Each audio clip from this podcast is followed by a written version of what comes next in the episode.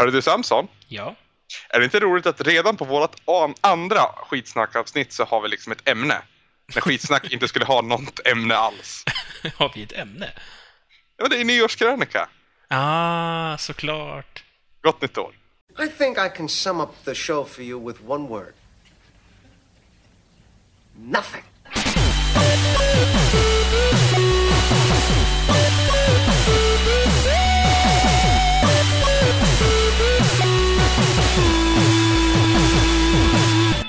Och då är det dags att snacka skit Samson. Jajamän. Och vi ska inte snacka en jävla massa skit. Det kommer ju bli lite längre än vad vi tänkte att de här skitsnackavsnitten skulle bli. Just på grund av den anledningen. För jag har mycket jag vill snacka om ikväll. Härligt. Vi ska summera ett helt år. Och vi har ju en förmåga att prata om allt vi inte ska prata om egentligen. Det, det, det, blir, det blir spännande. Men först tänkte jag höra liksom hur läget är med det. Hur du mår och, och vad du gör och vad du käkar idag typ. Nej men, ja. Ja, men läget är ganska bra. Eh, Jag är tillbaks nu i Malmö efter Stockholmsvistelsen. Mm. Hade du en trevlig julafton och en julhelg överlag? Ja då, det var det. Eh, Jag spenderade ju den med eh, svärföräldrar i, eh, ute i Kungsängen. Mm, mm. Eh, Ja, det är ju annorlunda att fira jul med någon annans familj alltså.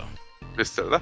Det var nog första gången jag är helt liksom... Alltså annars har det varit typ så här, vi, vår familj och en annan familj firat tillsammans. Det har man gjort några gånger.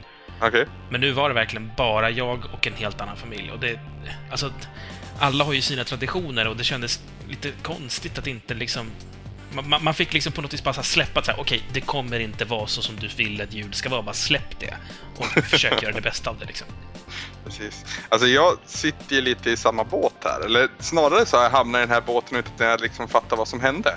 För helt plötsligt så firar vi både midsommar, julafton och nyår med mina svärföräldrar och inte med min familj. Mhm. Det är, så här, liksom det är först typ nu, tre år senare nästan, som jag liksom bara hejar till. Men vänta ett tag, ska vi inte vara med mina föräldrar någonting? Emily har liksom styrt den här båten helt, men eh, ja, vi, vi ska väl försöka. Nu kommer ju nyår att spenderas med svärföräldrarna också. Eh, Du får allt på ett, ett bord liksom. nyårslöftet blir att jag ska fira nästa nyårsafton med mina föräldrar. Har du några nyårslöften förresten? Ja, försöka gå ner i vikt. Okej, här- fortsätta försöka så att säga. Ja, men, men jag, jag byter metod nu tror jag. Aha, Mm, du som har promotat Viktväktarna så mycket. Jo, jo, men vet, sekt är sekt. Man måste gå ur efter ett tag. Och då fick de vatten på kvarnarna av de som kallade Viktväktarna säck. Jo, men de har, ju, Sekt. de har ju helt rätt, kan jag säga. Ja, okej. okej. Ja, det, mest, det mest talande för en sekt är ju att eh, om det funkar så är det liksom, eh, ja, Gud, så att säga, som gör rätt. Om det, inte, om det inte funkar så är det ditt fel. Okej, så det finns en stark anknytning mellan Viktväktarna och Gud alltså? Nej, snarare i, i, i metoden. Det är metoden som är Gud. Det är så här, om det går bra, bara mm, följer man sitt, eh, sina points, då går det bra. Och sen har man följt sina points veckan efter och så har det inte gått bra, bara mm, då har du slarvat. Nej, det har jag inte. Jo, det har du. Nej, jag har verkligen inte slarvat. Jo, det har du. Okej.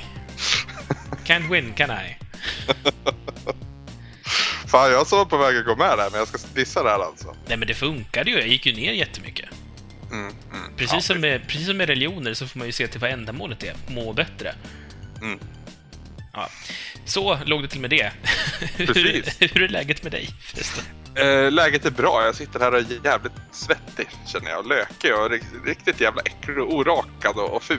Ja, härligt. Jag, jag passar på medan jag pratar med dig. Sen ska jag ta en dusch och åka upp till flickvännen. Aha, du tänker så. Ja, och förbereda inför nyårsfirandet då. Eh, men annars är det väl bra. Jag har haft lite duster här med min familj som man alltid har och framförallt mina, mina systrar får jag väl lov att säga. Framförallt en. Nu ska vi inte hänga ut allt för mycket men... eh, ja. Men, det, men du vet vem du är? Precis. Nej men det är, det är syskonbråk helt enkelt. Det vore ju tråkigt om det inte fanns. ja, det hö- hörs ju till när det är familjeträff, du. Ja, och vi, vi träffas ju liksom ytterst sällan nu när jag bor nere i Borås. Så ja. Och det, de mest konstiga grejerna kommer upp i sådana bråk som liksom inte har någonting med saker vi pratar om att göra. Men bara för att man har liksom gått och samlat på sig så här små, små, små fragment av liksom saker att störa sig på. Ja, Ja. såklart. Eh, men annars är det bra, som sagt. Uh, börjar få lite så här ångest över att nu ska jag snart tillbaka till Borås. Mhm. Eh, och känner att jag måste hitta på massa folk när, som är runt omkring här. Vi har ju en UFC på, på, på årets 2011 års första dag. Eller första natt tekniskt sett, för det är natten mot söndag. Så det kommer bli awesome. Och sen då kan jag ju trösta mig i att nästa helg så är det ju faktiskt retry. Och det blir väldigt intressant. Och där fick vi med lite glöggdrickande från dig, jag tror jag. Mm, rödvin. Rödvin, var det nära? Men eh, ja, mm. Precis. Ehm, så det, det, det, som sagt, det kommer bli jävligt skoj. Eh, nästa vecka består av en jävla massa bilåkande, men det kommer vara värt det hoppas jag. ja, ja. Det kommer det. är ju Malmö Kollo för fan. Precis, precis. Men idag ska vi prata om 2010. Och om jag frågar dig så här rent ypperligt spontant. Ypperligt spontant, det var lätt konstigt, men... Ehm, vad är det du kommer ta med dig från det här året? Från 2010. Precis. Om vi bara får ta en liten grej. Ja, du. Alltså tragiskt nog, om ni bara får nämna en enda sak av hela 2010 så är det ju eh, den riktigt urusla sommaren. Alltså? Och då är det inte vädret jag pratar om, utan då är det ju få sparken, få skulder, eh, mamma dör. Ah, du tänkte så. Ja, för det, det var ju inte en skön trilogi där. Av, Nej. av bra av liksom, grejer. Så att det är ju det som är det, liksom, det mest bestående som hände mig under det här året. Det var inte meningen att du skulle ta upp det här nu. Jag, jag ville inte att du liksom skulle... Nej, nej. Det, men det, det är också det är vatten under kvarn, liksom. Så det, det är inte vatten under kvarn, säger man så. Det är vatten under Nej, vatten under bron säger man. Ja, inte vatten på sin kvarn. Det är en helt annan sak. Och det är förresten inget vatten under kvarn heller. Det skulle vara jobbigt. Då läcker det någonstans. Eh, ja, men det var ju trist. Men ja, ta en positiv grej där bara för att väga upp det. Bara för att väga upp det. Ja, positiva grejer. Eh, det skulle väl kanske vara... Eh, alla som man har fått träffa och lära känna under året är ju en väldigt stor grej, men jag tror att rent privat för min del så skulle det nog vara eh, vad som har hänt faktiskt med Gameplayer.se. Eh, arbetet som, som framförallt Malin, men även vi andra redaktionen har liksom jobbat på där. Det, Okej. eh, ja, alla tror jag vet väl vad som hände med, med eller vet, väl i alla fall det publikaste till om vad som hände när förra chefredaktören Lars inte längre stannade, eller fick vara kvar på Gameplayer och det blev världens rokad där av liksom, ja, skillpoint och, och allt det här. Mm. Eller skillpoint startades ju som, en, som ett direkt resultat av det liksom. Mm. Eh, Men, men jag som var kvar på Gameplayer, för jag var ju där även- under Lars, eh, jag har liksom fått följa med under processen av att försöka lyfta upp Gameplayer igen och liksom gå och börja gå med vinst igen. För det, det, är liksom, det är det som är den stora skillnaden. Under Lars period så fanns det inget som helst vinstintresse från företagets sida. Mm. Utan det var liksom så här, skitsamma, slösa pengarna. Plötsligt så är det så här, nej, nu får ni inte slösa pengar längre. Mm. Vilket innebär att typ alla saker vi har kunnat göra får vi inte göra längre, för vi får inte slösa pengar. Men vi ska istället försöka få in mer folk på, till sajten utan att ha råd att göra saker till sajten. Så det blir liksom väldigt så. Men det har liksom ändå på något vis gått ganska bra. Alltså vad jag vet så är vi typ den sajten som ökar mest i Sverige av spelsajterna. Så att liksom det arbetet där bakom, allt det här planerandet, allt det här jobbandet, alla konstiga, idiotiska saker vi har fått för oss att göra och, och liksom så. Och, och framförallt responsen på allt att det faktiskt har funkat. Det kommer fler folk och det, det ger resultat. Allt det där arbetet som man har lagt ner. Så Mm. att det, nu jävlar vad långt det här blev, men det, det är nog det, liksom det stora positiva för mig med året. Man kan väl summera upp det som då, för det var ju också under 2010 som din, ja, vad ska man säga, men skribentkarriär gick igång lite grann. Eller har jag fel i det? Nej, alltså jag började ju tidigare. Började du redan, ja just det, du var ju med redan i fjol höst. Det Ja, stämmer. förra Gud, hösten jag ute började och jag. söker. Ja, precis. Ja, men då, då kan vi glömma det också. Alltså, ja. Dina då? Om du får ta och lyfta fram... Eh, får det bli en, en negativ och en positiv då, eftersom jag fick det så. Precis, alltså man kan ju tro då, i och med att jag slängde ut den här frågan och var så pedagogisk och fin, så, så hade jag ett bra svar när det väl tickade ut i min tur. Så är ju inte fallet. så jag lär ju tänka efter lite här. Jag tänkte börja med den positiva biten. Mm. Som ändå var lite negativ från början. Inte negativ, men med så här mycket oro knutet till det. Och det är ju flytten till Borås som är min stora happening det här året Ja, just det. eh, under sommaren där. Mellan säsong 1 och 2 egentligen av, av programmet vi nu lyssnar på. Och eh, det är inte Resresan eller typ. Det andra programmet med dig och mig. Jag är så överpedagogisk ibland så jag måste förklara som att det bara är en massa ja, nötter som lyssnar på oss. Det är inte så. Eh, Ja, men jag var ju orolig. Jag skulle flytta skitlångt. Jag skulle liksom gå ifrån det, det lilla arbete jag hade i Bollnäs. Och, och all den trygghet man hade där med grannen som man kunde kika över till när som helst och ta en grogg och allting sånt. Och liksom kände inte en jävla kotte i Borås nästan. Mm. Men den här lilla kotten som jag halvt kände då via Retroresan eh, har ju faktiskt vuxit till så blivit en rätt så god vän. Nu har vi inte haft jättemycket tillfälle att liksom eh, riktigt knyta an för att vi jobbar båda så mycket. Eh, men vi är väl båda överens om att vi ska... Nu är det relations... Snack här. Vi, ska, vi, ska, um, vi kommer fortsätta umgås för vi trivs med varandra. Ehm, och det är en annan positiv sak med Borås, att jag har ju fått jobba mycket. Och jag tycker om att jobba. Alltså jag, jag gnäller ju jämt över att jag jobbar för mycket. Men det är ju för att jag jobbar för mycket för att jag tycker om att jobba. Så det är en fin balansgång där. Eh, och det mest positiva är att jag nu kommer gå på ett fast schema under nästa år. Oh, härligt. Så det är ju riktigt skönt. Det negativa? ehm, jag vet faktiskt inte om det har hänt så mycket negativt. Alltså det mesta negativa har ju vänt sig till någonting positivt. Det jag kan säga som berör fler än mig då, om vi går ut från ett personligt plan så är det ju liksom det svenska valet och politik generellt. Ja, jo. Vi har ju varit på den tråden och dansat förr så att säga. Men om vi börjar först i Sverige och dels att Socialdemokraterna inte vann valet.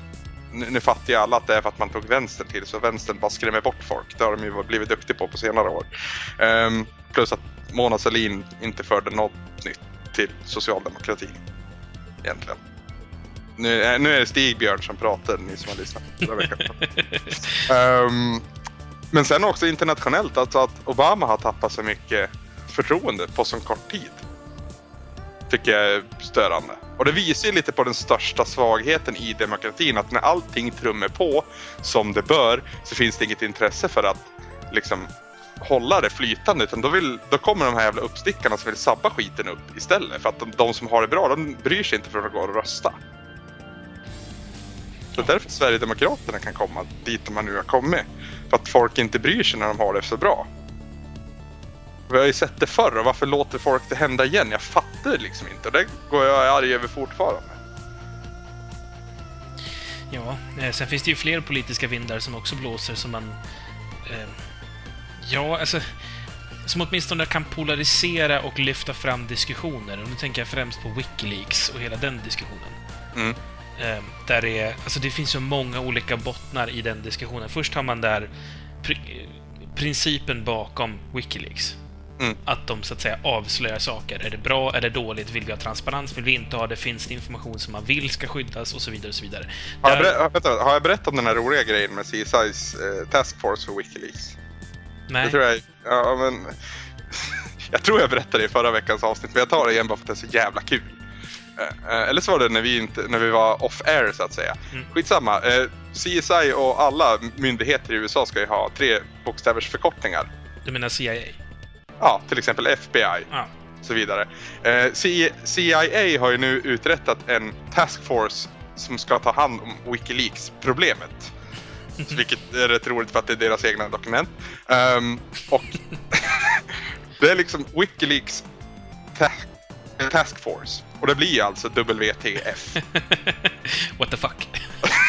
Precis, jag tycker det är sinnessjukt kul. Det är liksom, Gud har ett sinne för humor om han fanns. Jo, jo, men det är samma sak som Operation Iraq Liberation.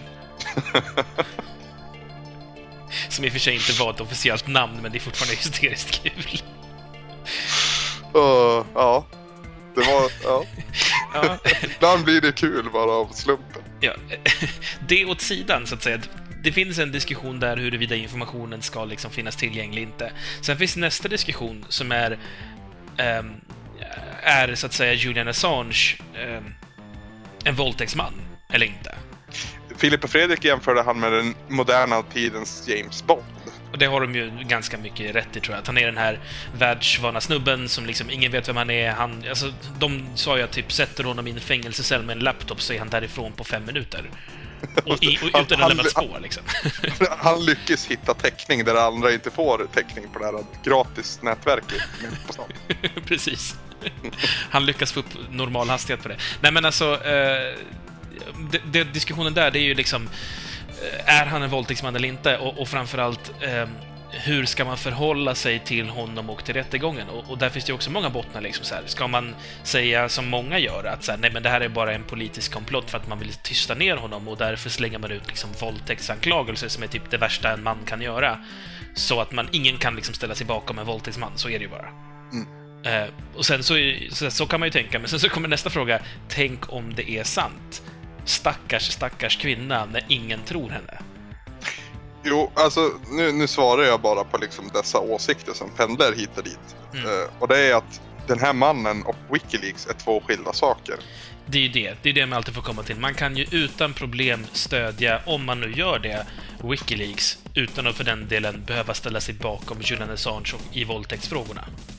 Ja, ja, nog om Wikileaks och nog om Julian Assange. Jag har en sak som jag måste ställa dig mot väggen för. Oj då. Tidigare ikväll så satte jag mig ner på din, efter dina önskemål och kollade på Matchstick Men. Ja, Vad fan snackar du om? vad fan. Den är svinbra. Filmen är okej och Nicolas Cage är helt värdelös. Nej, nej, nej, nej, nej. Jo, jag förstår inte var du kommer ifrån. Han spelar över, han, han tar i för hårt på punkter, han är, är inte trovärdig. Eh, han, alltså, han, alla hans fysiska grejer som Nicolas Cage gör, nu gäller alla roller han gör. Allt han gör som har att göra med fysik suger han på. Han kan leverera vissa repliker på ett trovärdigt sätt. Här och där, med ett bra manus, så kan han få upp en dialog som känns bra. Och då säger jag faktiskt bra, det är ett ganska högt betyg på, på liksom en allmän dialog bara. Men så fort det är någonting han ska göra med kroppen, med ansiktet, med händerna, whatever, då är han värdelös. Så. Jag delar verkligen inte din åsikt alltså. Alltså visst, han är inte briljant på något sätt. Men han, han har en förmåga att dels välja intressanta projekt som ibland slutar i hel katastrof. Men han har balls när han väljer filmer. Han, han safear aldrig, känns det som. Det är väl inte så jävla svårt när man är född miljonär. Nej, men det är också en annan grej, en tredje grej som jag inte hade tänkt på. Att han har växt upp, han har bytt efternamn just av det. För att han inte vill bli, eh, ja, liksom känd för den sakens skull. Ja, fast det där stämmer inte riktigt. Han, han har inte bytt namn för att ingen ska veta att han är... eh, Vem är det som är hans pappa nu igen? Fan Francis Ford Coppola, va? Ja, hur som helst, han är, han, hans far är regissör och producent och så vidare. Han har ju inte bytt namn för att man ska för att ingen ska veta att det är han som är han. Han har ju bytt namn för att sådana som du ska tänka han försökte minsann klara sig själv. Det är ju inte någon i Hollywood som inte vet vem hans farsa är. Det är skitsnack. Det, det tog väldigt lång tid innan jag visste det faktiskt. Jag fick gå in på IMDB och, och forska. Ja, men, men du är inte en filmbuff. Jag kan lova dig att producenterna i Hollywood, de som sätter folk på plats, de som... Eh, alla casting directors, alla de här, de vet definitivt vad Nicolas Cage, vad hans namn var när han föddes. Jo, jo, jo. Alltså det är klart, det ska ju de veta, annars är det ju tjänstefel. Men det är ju fortfarande hans, om vi kallar det insatser då, som har gjort att vi har lärt känna han som Nicolas Cage, eller sonen till Francis Ford Coppola. Jag vet inte, han kanske... Det är, det är ett långt hopp däremellan menar jag. Alltså, ja, de gör ju tjänstefel om de inte vet det, men, men vi lär ju liksom lägga märke till Nicolas Cage av någon anledning. Och I ditt fall så är det att han är värdelös, i mitt fall så är det att han, han, han är inte så tokig som alla vill säga. Ja, fast där är jag inte helt med. Alltså, att bli Hollywood-skådis kräver ingenting annat än tur, egentligen. För att det är inte ett yrke i sig som är Det särskilt kräver ju, mer, det kräver ju mer än tur. Ja, fast alltså, okej, visst. Man, man, om man vill vara sån så kan man säga att det kräver kontakter och det kräver liksom sådana saker, men plockar du random snubbe på stan med tillräckligt mycket instruktioner så fixar han en långfilm. Det är det jag försöker säga. Alltså, i, nu pratar vi om Hollywood-långfilmer av det måttet som Nicolas Cage gör. Han kan ju Face inte... off on air och så vidare. Ja, han kan ju definitivt inte fixa att göra någonting som kräver lite mer av en skådespelare. Sånt som riktiga skådespelare tar, tar till sig. Men sånt som Nicolas Cage sysslar med, det kan vilken jävla skitskalle som helst. Det handlar bara om att råka vara där. Och Nicolas Cage är där för att han är son till den han är son till. Um, jag tror att min, min vilja att försvara Nicolas Cage in i, i sista eh, grundas i att Nicolas Cage axlade manteln som Sylvester Stallone en gång bärde.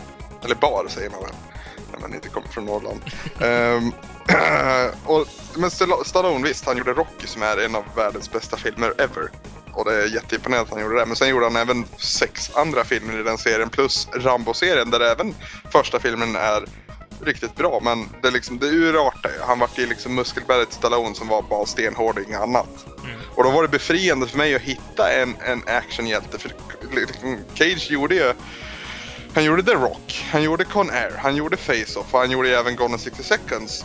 På en rätt så liksom intensiv period. Och det var liksom de nya, den nya typen av actionfilmer där det inte bara handlade om en sak längre. För mig, alltså på ett rent personligt plan. Så jag antar att det är därför. Mm, Okej okay då, men då Bruce Willis hellre liksom? Ja, jag tror jag sätter Bruce Willis före Nicolas Cage alla dagar i veckan faktiskt. Ja, det, det, det har ju blivit missförstånd här att jag liksom hyller han som en av världens bästa. Jag skulle inte sätta på någon topplista eller någonting sånt. Jag tycker att han är behaglig att se på. För att han är jag vet inte. Han, är, han har någonting väldigt roligt. Jag tycker när han säger, i Magic Men tror jag han säger pygmies när han liksom ska svära. Jag, jag tycker det är svinkul. Nu är det kanske inte hela tiden hans förtjänst att han är svinrolig, men jag, är bekväm med Cage. Ja, ja, vi ger oss om Nicolas Cage. Vi pratar lite om honom för lite för jämnan, känns det som. Mm. jag tror faktiskt att Nicolas Cage kan bli den här killen som alltid, liksom det, vi blir lite jinxade sådär, att vi alltid kommer ta upp Nicolas Cage i våra skitsnackavsnitt. Nu var det just för att jag till idag faktiskt satte mig ner och såg Matchstick Men för att kunna prata om det. Jag hoppades ju på att jag skulle få en sån här Åh, Nicolas Cage, jag har ändrat mig, han kan minsann vara underhållande. Men nej, jag tyckte att han var riktigt, riktigt dålig. Filmen var okej, okay, men Nicolas Cage var dålig i den också. Lika dålig som han brukar vara. Sam Rockwell är ball, eller hur? Ja, han var bra. Han gjorde bra ifrån sig. Jag tycker även att eh, tjejen som spelar hans dotter, så att säga, också var mm. bra. Mm, mm. Viktigt att du sa så att säga där för att spoila lite. Nej. um, men det, apropå kontrovers, Samson. Mm. Jag, jag fick en kommentar på min blogg av någon konstig anledning. Av Kong, tror jag han kallade sig. Mm. Som, som störde sig lite på senaste retroavsnittet, det här eh, julspecialen där. Och mm. framförallt din stripparhistoria. Då. Så vad jag förstått så, har, så vill du kommentera på hans kommentar så att säga? Vill och vill, jag tyckte väl jag skulle göra det. Eh, ja. bara sådär, jag kan ju börja med att jag läser vad han har sagt så att alla är med på det. Mm. Kong sa, lite off topic från Bitloof relaterat till senaste Retoresan-avsnittet. Biten där Samson berättar om sin show, inom citationstecken, för bondläpparna. Det var bara vidrigt, riktigt äckligt. Jag betvivlar starkt att det hela har hänt på det där sättet. Det kändes konstlat och bitvis påhittat. Men vem fan berättar om hur denne petar upp en flaska i röven och sen dricker ur den och så vidare för ett statement? Det där skulle ni besparat lyssnarna. Jag har troget följt det länge, men där sjönk Samson i mina ögon. Anders reaktion, eller säg inte-reaktion, kändes som om eh, han tyckte att det hela var opassande, inte trodde på det eller båda delarna. Skärpning. Någon form av nivå får ni ändå hålla på programmet. Det här får ju er båda att framstå som två riktiga puckon. Alltså först och främst vill jag säga att jag är ett riktigt pucko. Så det, ja ja eh, det jag vill säga till Kong, eh, det, det är väl lite sådär. Det jag gjorde den kvällen är ju ingenting jag är stolt över. Nej, det var väl kanske där just att det inte liksom trädde fram riktigt att det här var, faktiskt var någonting som du inte var stolt över. För jag kunde tycka som satt i andra änden så att säga, att, att det lät som att du någonstans var lite stolt över det. Det hade gjort att det satt där på plats liksom. Men sen när vi snackar om det här rent privat så har jag ju fått intryck att så inte var fallet. Nej, nej, så, som sagt, berättelsen börjar med att jag dricker en flaska whisky. Det, det tycker jag liksom visar lite var min var min sådär, vet, sunda förnuft ligger någonstans genom den här kvällen. Jag ska också säga det att ja, historien är förstås sann. Eh, det, det, alltså, Kong, du får tro vad du vill. Det, det, ärligt talat rör mig inte mig i ryggen. Men det har hänt alltihopa. Eh, men kvällen slut, eller hela historien slutar också med att jag, jag säger rakt ut att det var nog det dummaste jag gjort i hela mitt liv. Mm. Och det står jag fortfarande fast vid. Det är nog det dummaste jag gjort i hela mitt liv. Men jag har gjort det. Och, och, det är ju inte en historia som jag berättar första gången jag lär känna en ny person. Sådär. För det är inte en så här, hej, jag brukar köra flaskor i stjärten. Det, det, liksom, det händer ju inte. Eh, samtidigt så tycker jag lite så här... Eh, vad är det som är så... Alltså jag blir lite sådär frustrerad över Kong vidrigt, riktigt äckligt. Vad är det som är så vidrigt och riktigt äckligt med en, en full... Hur gammal var jag? 17 kanske, åring som... Alltså... som inte är lika... Hur ska man beskriva det? Alltså... Jag, eh, jag var deprimerad under den här perioden. Jag gick teater. Jag hade inte särskilt mycket gränser i mitt liv. Eh, jag skämdes inte så mycket för saker och för mig var det inte en stor grej att trycka upp en flaska röven för ett statement. Jag har gjort värre saker för statements. Och inte gå dit nu då. Jag ska inte gå dit. Men alltså, det känns som att hade det inte varit en flaska i min stjärt så hade inte Kong reagerat. Då hade det varit en helt annan reaktion. Då hade det varit typ så här, "Hö, du är lite korkad, hö, hö. Ja, men det kan ju antingen vara det eller så stör han sig på just det faktum att du berättade i vårt eh, program som handlar om retrospel. Det, det är antingen eller här och det vet vi faktiskt inte. Så vi, vi får ju ge Kong eh, bene, benefit of a doubt, eller vad brukar det kallas i, i USA. Ja, eh, eller... eh, Ärligt talat inte bry sig så mycket. För alltså, jag har inte fler historier om att jag gör äckliga saker som jag tänker ta upp. Nej. Eh, och om Kong inte liksom, om jag sjunker i hans ögon, och som jag ska vara ärlig, jag skiter i vad Kong tycker om mig. Alltså inte för att vara elak mot dig Kong, men jag har aldrig träffat dig. Du är en kille som har kommenterat på en blogg som inte ens är min. Så, ja, det var väl det. Men kul att du lyssnar och alltid kul med feedback förstås. Mm. För att med det här, tydligen så gick vi över en gräns. För, åtminstone för Kong. Ja, precis. Och det är ju bra att veta vart den här gränsen finns. För vi har ju liksom fått intryck att vi kan prata om exakt vad som helst. Och vi är inte pantade, vi ska inte prata om liksom helt absurda grejer. Men nu var det ju faktiskt en, en sak plockad från verkligheten. Ja. Och då, då blir det ju... Alltså det vore ju roligt att prata om absurda grejer egentligen. Tänk liksom om man, om man, om man kunde liksom... Men köra bil som i Flintstones. Det vore kul. Men du, Anders. Ja. Eh, Men jag, jag känner också lite så här. Eh, gränserna för vad jag får och inte får prata om i Retroresan tycker inte jag riktigt existerar. Sen så kan jag ju liksom visa hänsyn till lyssnare och säga ah, okej, det här kanske inte passar sig. Och ja, Ja men det är, ju du, det är du och jag som avgör det. För det är liksom vårat program. Samtidigt ska man också tillägga att en jäkla massa andra människor har liksom hört av sig och sagt vad roligt och vad kul och du är inte klok och, och eh, hur får man för sig något så konstigt? Du är verkligen en sjuk man och så vidare. Så det, är, det är ju väldigt blandade åsikter om den här berättelsen också. Så det är ju inte alla som har hatat på den lika starkt som Kong. Det är definitionen av humor än en gång. Alltså, humor grundas ur en, ur en tragisk historia hela tiden. Oftast i alla fall. Ja, ja. Och de gånger det inte gör det så är det liksom undantaget som bekräftar regeln tycker jag. Men nu lämnar vi det här. Tack för din feedback Kong. Vi, och jag vet att du trodde att vi hade raderat den här kommentaren eller någonting sånt. Men det handlar helt enkelt om att jag inte hade godkänt den. För jag måste göra det på min blogg. Om det kommer in någon ny tror jag det är. Eller om det är väldigt länge sedan någon kommenterade så glömmer den här äh, automatiska botten bort personen i fråga. Så, så det var det. Då går vi vidare. Och vi ska prata om 2010 nu Sam, så nu måste vi in på ämnet här. För nu, nu Så vi har spårat ur i skitsnacksavsnittet. ja precis, det, det, det fick ju inte hända. Nej, Eh, jag är ju lite kåt på era listor, det vet du. Mm. Och som du anser dig vara inom film eh, och översittare allt vad det heter. Ja men det, det, blir ju så. Ja, och- Om man tycker att man sitter på facit själv så är det ju lätt att tro att man sätter sig över någon. Eller lätt att tro att man har rätten att sätta sig över någon snarare. Mm. Och jag, jag säger inte som kritik till dig för jag gör exakt samma sak själv. Fast, men så som du är för film är jag lite för musik. Alltså jag tycker att jag, jag vet mer än någon annan egentligen. Nej men alltså jag känner ju ofta att jag vill ringa upp Sveriges Radio och fråga vad fan om jag inte har plockat in den eller den eller den låten. När jag vet att den precis har kommit och den är ny. Så jag har gjort en topp 5-lista både för internationell musik och för svensk musik det här året. Ehm, är det någonting du skulle vilja ta del av? Eller Ja, fan, kick it. vi ska se då. Topp 5 internationellt tar vi först. Och det, kan, det är väl enklast att börja i, i botten och gå uppåt så att det blir mer och mer spännande. Mm. Ehm, kollar du på fjolårets MTV-gala? Nej. Helt suverän gala. Jag brukar inte gilla dem, men den var exceptionellt bra. När det inleddes med ett tal av Madonna om Michael Jackson. Varav eh, det sedan liksom, ja, det vart ett jävligt imponerande dansnummer hela den biten. Också med Janet Jackson som dansade typ back-to-back med en screen med Michael Jackson. Från den här videon de gjorde tillsammans.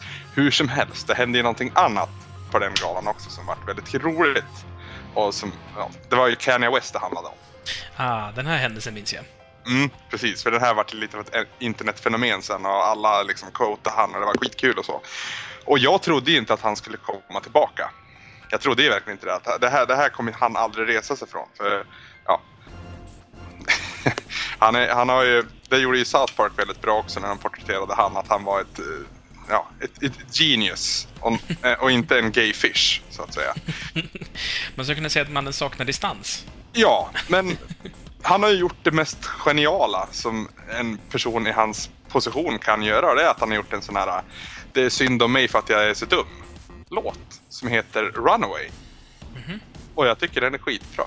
Let's have a toast for the assholes, let's have a toast, toast for the scumbags. Liksom. Det, och han sjunger, han rappar inte. Det är också en sån här grej som Eminem också har gjort ett par gånger. När, när han fick kritik för att han, att han inte skötte sin dotter eller någonting sånt. Då gjorde han en låt tillägnad henne där han faktiskt sjöng istället för att rappa. Uh, Kanye West gör exakt samma sak och jag faller pladask. Nu tycker jag att Kanye West kanske har lite bättre sångröst än vad Eminem har om man ska jämföra. Jo, visst är det så, visst är det så. Men uh, ja, de befinner sig ändå inom samma... Uh, ja, vad säger man? Samma block, så att säga. Ja. Så jag tycker Runaway platsar in på femteplatsen där, trots allt. Sen har det kommit upp ett band som jag är bekanta med, men jag vet inte hur länge de har varit aktiva egentligen, som trädde in på fjärdeplatsen. Uh, The Radio Department. Har du hört någonting av dem? Um, jag har hört om dem. Mm. Eller snarare, jag känner igen deras namn, men ja. Mm. Jag tror att de är ny uppstickare. Uh, och deras låt Heavens on Fire tycker jag är fruktansvärt bra. Är en trallvänlig rock där någonstans. Så jag behöver egentligen inte säga mer än så. Eh, plats nummer tre. Där har vi ett band som heter Atomic Tom. Och det här är egentligen inte min typ av musik. Men jag har varit så sjukt imponerad av någonting som troligtvis också är en kupp. Som jag tror jag slängde ut på Twitter också. Du minns de här som spelade sin låt på iPhones på en tunnelbana? Mm. Där hela Youtube-klipp liksom grundade sig att de hade fått sina instrument stulna och de spelade sin låt ändå på tunnelbanan med hjälp av iPhones och förstärkare. Då. Och det, det, är samma låt som träder in här, alltså Take Me Out med Atomic Tom som växte enormt efter man hade hört iPhone-versionen om man kan kalla det för det. Uh, och jag tror inte att jag skulle tycka om den låten om jag inte hade sett Youtube-videon. Men uh, den hamnar där ändå. Uh, på plats nummer två så kommer en låt som... ja, den kom väldigt tidigt på året. Jag hade nästan glömt att den kom 2010 men jag tycker den är helt suverän och framförallt åka bil till. Vet du vilka Thrice är? Nej. Nej. Deras låt In Exile hamnar på andra plats i alla fall. Och det är en jävligt bra låt. Den beskriver om någonting liksom vad som kliar mig på rätt ställe när det kommer till musik. Det är liksom lagomt mörk indie-rock-pop där någonstans. Någonting åt det hållet. Och på första plats ett nykomling det också tror jag. The Naked and Famous heter bandet i alla fall och låten heter Young Blood. Och jag vet att jag twittrar säkert hundra gånger om det här bandet och den här låten för jag tycker att det är så här det ska vara. Varför har inte det kommit tidigare? Och det, egentligen, för jag har ju sådana här kompisar som tycker att de vet mer än mig också. Som dömer ut det för att det är liksom IQ till tusen och massvis och sånt. Men jag gillar det. Jag gillar när man liksom överarbetar grejer ibland. Det är liksom som att de har gått lite längre. Det finns ju att man, man överarbetar en låt och så blir det dåligt. Men de har liksom fortsatt vrida hela varvet så att det har blivit bra för att de har överarbetat det tillräckligt så att säga. Förstår du ungefär vad jag menar? Jajamän. Ja. Så Young Blood med The Naked and Famous på plats nummer ett över min internationella lista. Nu blir det mer intressant, för jag, jag vet inte vad du tycker. Jag vet ju vad du tycker om svensk film. men, men vad tycker du om, om, om svensk musik?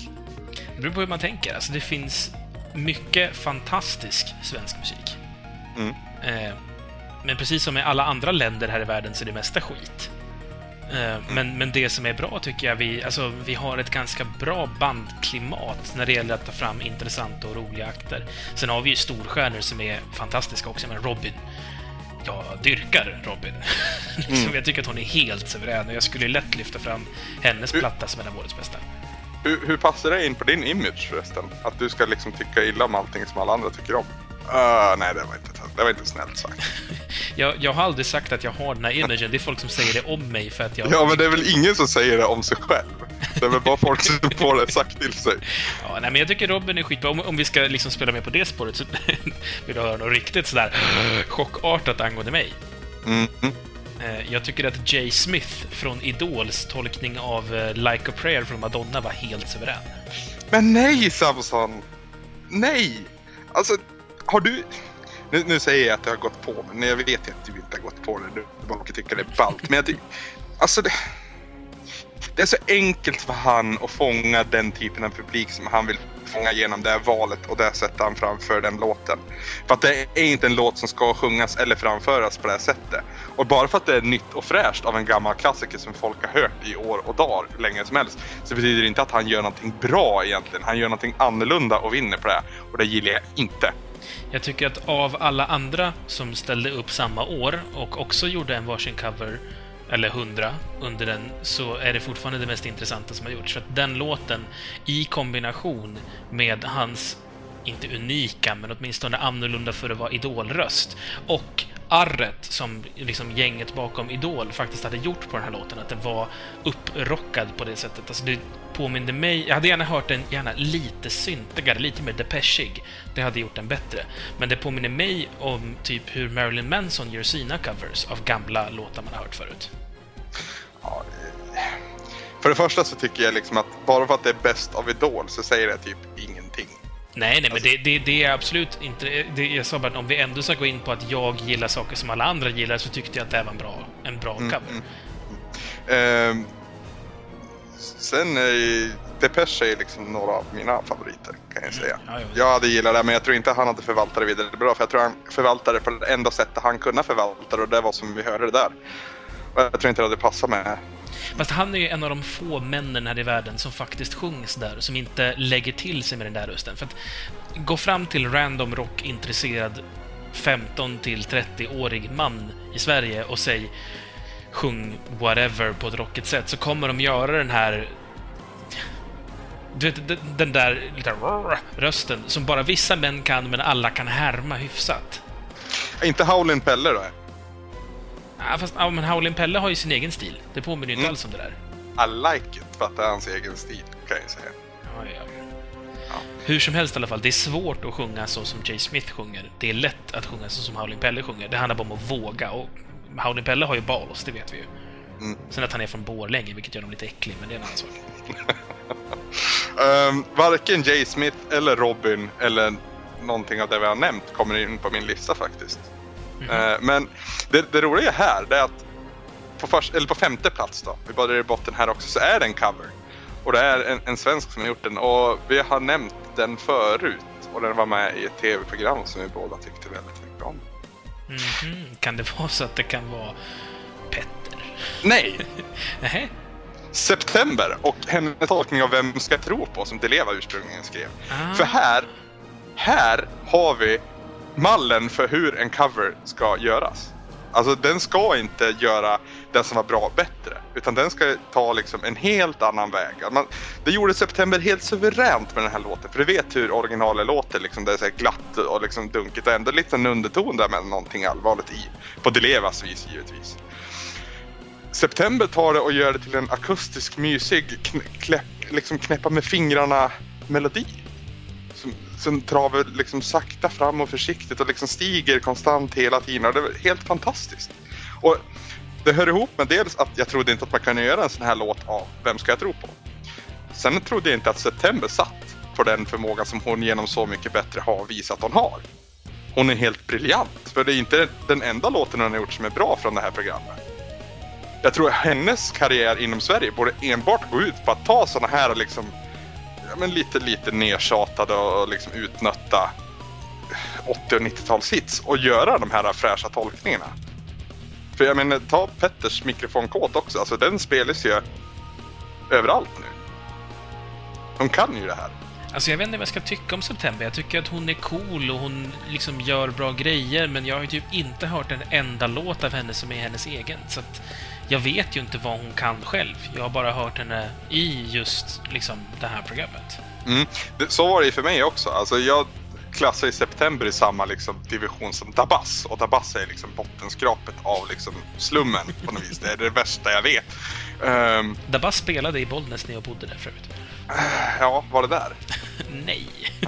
Inte jag heller. Uh, var skulle jag komma? Jo, men hon, hon har ju liksom varit num nummer ett på Billboard och det är en bedrift i sig, men det har mycket skit varit.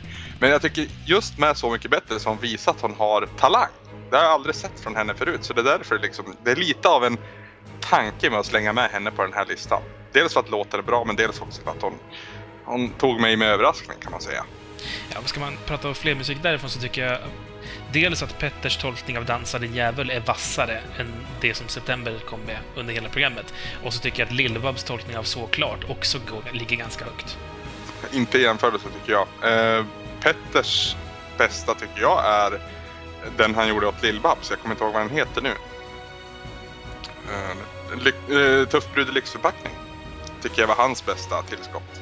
Strax efter Stockholm i mitt hjärta. Men ja, novelskåderi kallas det. Eh, ja. På fjärde plats. Eh, säkert har du säkert hört förut. Ja, ja. Hon har ju faktiskt gjort en låt här nu på, på höst och vinterkanten som jag har blivit jättekär i. Och jag har inte blivit jättekär i säkert förr. Jag tyckte att hon mest lät dryg på något vis. Uh, och jag vet inte om det är att jag lyssnar ovanligt mycket på P3 på senaste tiden eller om det är att hon faktiskt har gjort en låt som kan tilltala mig. Om det är jag som ändrar på mig eller om det är hon som ändrar på sig. Det är svårt att avgöra där. Men hennes låt Dansa fast än, Hjärtat brister, sjunger hon ju. Uh, tycker jag är skitbra. Och hon gör egentligen ingenting nytt mot vad hon har gjort förut. Men det är, det är någonting i den här låten som jag tycker är fantastiskt. Och jag, jag kan rycka ut just den här uh, jag gillar inte bandet som spelar men de täcker över musiken, eller de täcker över ljudet av ett sms som inte kommer. Som de dessutom sjunger på ett väldigt snyggt sätt över, över rytmen så att säga. Det, det tilltalar mig så jag, jag ryser när jag hör det. Nu quotar jag säkert inte riktigt korrekt här men... ja, men det, det lät vackert i alla fall det du sa. Ja, precis. Det, det, det, ja, jag gillar den skarpt. Sen har vi ju två killar och jag kommer ta, ta med en här på, på, på den här listan. Men det är två killar från Snook från början som har dominerat svenska pop och rockscenen. Enligt Sveriges Radio i alla fall under det här året. Oops. Hur mycket hördes det där? Det hördes mycket. Sen har vi två killar som har... det gör väl ingenting, kör på bara. Ja, visst. Um, ja, de har dominerat popscenen under uh, det här året. Det är Oskar Lindros och uh, Daniel Adams-Ray, heter han så? Jag vet aldrig hur man ska uttala hans namn. Nej, men vi, vi, säger att han heter så då. Och framförallt Oskar Lindros har väl varit liksom gullpojken detta år som typ Krunegård var för några år sedan. Och de hittar alltid någon som de ska älska extra mycket för att vara lite speciella där. Eh, men jag tycker Lindros är bra också. Jag tycker inte dock att hans största hit enligt alla är Sviderbra. Nu kommer jag inte ihåg vad den heter bara för att det babblar så mycket. Eh, men vad heter Lindros största hit? Du frågar killen som aldrig lyssnar på radio. Det här är inte ett bra ställe. Du har ju säkert hört den. Den jag gillar i alla fall, det är hans andra singel tror jag det är. Eller så är det tredje, eller fjärde eller femte. Men det är inte den första i alla fall. Eh, Genom eld. Och jag vet inte egentligen vad som gör den så speciell. Den är bara riktigt jävla välskriven och bra. Och det räcker till en tredje plats på den här listan. Jag tror inte jag har hört den. Däremot så gillar jag ju Daniels. Eh, den den som man har hört, typ. ja, precis. Ja, jag tappar bort namnet hela tiden jag har nu. Det är tur att jag har just det här framför mig i alla fall. Mm. På andra plats eh, så har vi en låt som jag kan relatera till så du fattar inte vad. Den heter Fuldans av bandet eller artisten Fulkultur. Och du har säkert hört den. Jag kan inte dansa, jag kan inte dansa så bra som du. Och så tycker jag att han ser ut som en lycklig lemur när han ger sig ut på dansgolv. Och jag liksom dels är låten framförd på ett sånt otroligt gulligt, liksom förgiftande bra sätt. Förstår du vad jag menar då? Man, man liksom, det är som att bli stucken av det är som att bli kysst av Poison Ivy på något vis. Det, man, har ing, man kan inte värja sig mot det, man måste liksom ryckas med redan från första gången man hör den och sen måste man nöta den tills man kräks över den. Och jag har inte kräkts än. Så därför finns det på andra plats. På första plats en låt som angränsar till 2009-2010 där. Men jag har fulat lite där bara för att få med den. bandet Jonossi har jag rådiggat sen första egentliga skivan egentligen. Och jag såg dem live ett par gånger där också. Jag tyckte det var helt fantastiskt att bara en gitarr och en trum, eh, ett, ett set trummor kunna låta så fantastiskt bra. Och en sångare då givetvis som gör det jävligt bra också. Och sen gjorde de en uppföljare på den som inte var så särskilt bra. 18 Karat Gold tror jag den skivan hette. Men sen nu med deras Mavericks så gjorde de ju en fantastisk låt som heter What's the point? Och den kom, tror jag, på... Jag tror de premiärade den på förra P3 Guldgalan och det var i början av året. Men för att vara riktigt säker då, så har jag valt eh, Baseflow Remake på samma låt. För att dels så tycker jag att den faktiskt är snäppet bättre än originalet. Det brukar jag aldrig tycka. Men det här är liksom den dansanta versionen som på ett väldigt bra sätt håller hårt i originalet. Och ändå lyckas vara mer dansant än vad själva originalet är. Och sen just för att vara säker på att den kom i år, för den här kom ju senare än själva låten. Och det var min nummer ett på den här listan. Nu är jag typ andnöd för att bara prata sin i helvete. Ja, jag har inte sammanställt någon lista på samma sätt som du har, så det känns lite så här... Du är lite bättre beväpnad än jag för den här diskussionen. Mm. Eh, men, men alltså, band som jag, jag... Jag lyssnar ju inte så här... Jag lyssnar ingenting på radio. Och jag tittar ingenting på musikkanaler. Nej, det finns väl inga kvar. Eh, nej, men okej, men jag tittar ingenting på de kanalerna som det visas musik. Jag tittar inte på några musikprogram på TV heller, utan den musiken som jag får får jag antingen genom vänner eller genom typ kanaler på internet där jag typ så här, här är ett bra band som man tipsar om i någon blogg någonstans. Mm. Jag vill klämma in en sak här bara vi pratar om tragiska saker under året tidigare. Och där har vi MTV som nu helt har slutat spela musik på sin, på sin kanal. Ja, fast MTV slutade ju vara bra 1990 någonting. Jo, men det är nu de är på riktigt död. På något vis. Och det är sorgligt för MTV har länge, det var ju länge sedan de, de var där, men under en lång tid så var ju de, de på något sätt representant för vad som var coolt och ballt. I alla fall i USA. Jag tror att de slutade vara det för länge sedan. Det är liksom, jag tror att det där är så här 70-80-talisternas nostalgiska glasögon bara. Mm. Alltså, ja, men jag håller, jag håller med dig. Det var väl någonstans där vid Jessica Simpson som det började gå riktigt åt helvete. Nej, tidigare ändå. Jag skulle säga när Ray Coke slutade. Då slutade det bra. Eller nej, okej. Okay. När man slutade med, med det här eh, måndagsrocken vid midnatt. Monday Night någonting hette det. Ja, det som gick över till VH1 sen. Ja, när det slutade gå på MTV. Det är typ när vi går i kanske första året gymnasiet eller sånt där. Men är inte det någonstans vid Jessica Simpson, jag tror det? Alltså nu pratar jag inte om hennes reality shows, utan nu pratar jag ungefär när hon kom. Jag tror, jag, jag, vet... tror, jag tror att hon kom snäppet senare. Jag minns att Lenny Kravitz hade en hitlåt under den här perioden. som lät ungefär likadant som hans andra hitlåtar. Nej, den här var lite mer elektronisk. Och så var, i videon var det typ en såg ut som en tvålförpackning som var vit, som svävade i luften så här, och åkte runt i ett rum. Så, det var mycket blått och grönt. Skitsamma, det var en asdålig låt. Eh, Madonnas Ray of Light. Fly away, fly away menar jag, tror jag. I want to fly away. Nej, gud, det där är ju... Det, det, det, jag tror det kan vara samma skiva, men den där kom senare. Uh, Okej, okay, uh, Manic Street Pictures, If you tolerate this, then your children will be next. Det året, det var då det hände, för den minns jag. Okej, okay, slutet av 90 då redan? Mm. Där, där ja. slutade MTV bra. Man kan egentligen dra strecket ännu tidigare, som sagt, vid Ray Cokes avgång, men, men då är man lite väl hård. Mm. Beavis and Butthead? Ja, men det, det är ju samtiden med Ray Cox. Mm, mm. Den hette Dial MTV där man fick ringa in och eh, rösta på topplistan. Det var bra grejer. Precis. Du var inne på svensk musik förresten och, och var, du, var du fick din, eh, din musik ifrån. Ja, det jag skulle komma fram till i alla fall, det är att det gör ju, eh, resultatet av min, min liksom annorlunda musikinförskaffning är ju att eh, jag har inte hört någonting av det du pratar om. Eh, och jag har knappt hört December, till exempel. Eh, De december? September, tittar jag. säger till och med fel eh, Men det det däremot ger mig, det är att jag hittar jättemycket skumma indieband som aldrig någonsin skulle höras eh, på, på P3 ens en gång. Mm. Uh, och jag tänker till exempel, men jag vet inte om den här skivan är från i år eller inte, men det finns ett litet band i Sverige som heter Den svenska björnstammen. Mm -hmm. uh, som gör en slags syntig pop som låter lite som... Uh, tänk att du blandar... Um, nej, tänk inte att du blandar. Tänk istället att du helt enkelt lyssnar på en... vad heter de? Do Dr. Cosmos. Dr. Cosmos?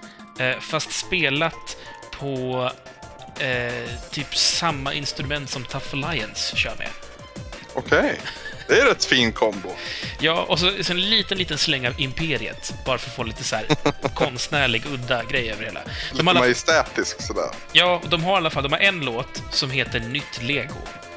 Nytt lego. Ja, och den är så upp. jävla bra. den, har, den har gått varm. Jag tror den i och för sig kan vara från 2009, men det är jävligt bra låt. ja. Men i och, med att du in, i att du inte kunde höra så mycket va? Du, du var ju instängd där i ditt Nej, nej, rum. nej. Jag hör lika mycket musik som du. Jag bara lyssnar inte på de, samma kanaler så att säga som du gör för att få musiken. Men om du skulle vilja lyssna på, jag vill komma någonstans med det jag Jaha, säger. okej, förlåt, förlåt. om du skulle vilja det så kommer jag faktiskt att sammanställa eh, en Best of 2010. Jag tror jag kommer att göra en svensk och en internationell lista. Jag tror jag kommer göra så. Eller kommer jag köra mix and match, 10 var. Jag vet faktiskt inte. Men jag brukar göra så här vid varje årsskifte. Att jag, jag slänger ihop det och sparar det liksom. Bränner ut det på en skiva och sparar det till senare tillfälle. Jag har gjort det sedan 2007 nu och det är jävligt kul att liksom stoppa i det bästa från 2007 i bilen. När Krunegård faktiskt var kung. På något vis. För det, det, jag, jag vet inte, det är mest e-, egoistisk synvinkel. Men från 2009 så ligger de ut, uppe på Spotify också. Så det, det finns ju bara en än så länge. Men det kommer att bli en till. Eh, och den kommer vi att, jag kommer slänga ut den på Twitter sen. Så de som är sugen på att ta del av den får ju hålla utkik där helt enkelt. Vi lovade ju att vi skulle prata om musik och det känns lite gjort nu. Har du sett någon bra konsert förresten i år? I år har jag varit jävligt dålig på att gå på konsert. Ja. Jag har liksom Jag inte haft tid. Jag skulle ju få se mitt favoritband där i Göteborg. Jag fick det där som present av Emily när jag fyllde år. Mm. Men de ställde in. Ja, just det. Ja, det var tråkigt. Ja, eh, jag var på väg på flera konserter, men det blev aldrig av. Okej. Eh, jag skulle se eh, Axis of Awesome, eh, det nya, nyzeeländska eh, humorbandet, spelade här i Malmö, men jag lyckades missa det. Eh, ska vi se, Typo Negative kom hit, tror jag också, och... Eh, Vänta, Access of Awesome. Har de något samarbete med Flight of the Conchords? inte vad jag vet, men det skulle inte förvåna mig. Det kan inte vara så många humorband från Nya Zeeland. Det vore ju helt suveränt om de hade liksom, att det bara dök upp att de hade en dispyt sedan länge i, i någons forum. Nu är ju Flight of the Conchords lite on hold vad jag förstått. Ja, men, nej, men de kommer väl fram till att de, de kan inte göra något mer, så att säga, i alla fall inte med tv-serien, för att det skulle bara bli mjölkning, för nu har de liksom gjort det de kan göra med det. Och resten skulle bara bli mer av samma sak, och det är inte de intresserade av att göra. Precis. Och det tycker jag är ett smart drag. Visst är det det? Det är som James Dean, vet du. Dör innan han hinner bli töntig. Han hade planerat sin död. Ja, ja, för fan. Men alltså... Håller man på för länge med någonting så blir det inte kul. Kolla, lyssna bara på oss, liksom. Ja. Eh, Eller varför inte liksom vilken annan som Det här är alltså redan Sick Boy i... i äh, jag har ingen hjärna idag. Train Trainspotting. Redan i Trainspotting så sa han den här teorin att man har det och sen så tappar man det och så är det faktiskt bara. Mm. Och, och vissa har vett att sluta, vissa dör och, och vissa fortsätter lite för länge. Som spelradion ungefär. Nu är du elak. Ja, Jag gillar att slänga ut de där kängorna. Jag vill, jag vill, det enda jag vill med det här, jag hoppas att folk förstår det, det är att jag vill ha respons. Jag vill ha någon, någon av deras fans eller någon av dem vore ju ännu roligare som faktiskt kommenterar på det. Jag är lite troll så här. Då ska du inte avslöja att det är det du håller på med. Men vad fan, det lär väl folk fatta. Tycker jag. Ja, Ja, En en annan teori om du vill få folk att reagera, det är att du berättar en, en eh, lite äcklig historia i ditt liv. Ja, just det. Som den här gången jag sög av en ko. Eller hur var det nu då? Det är kanske inte riktigt jämförbart. Men ja. Ja, gränsfall kanske. Nej, men vore det inte roligt att prata lite film? Apropå det.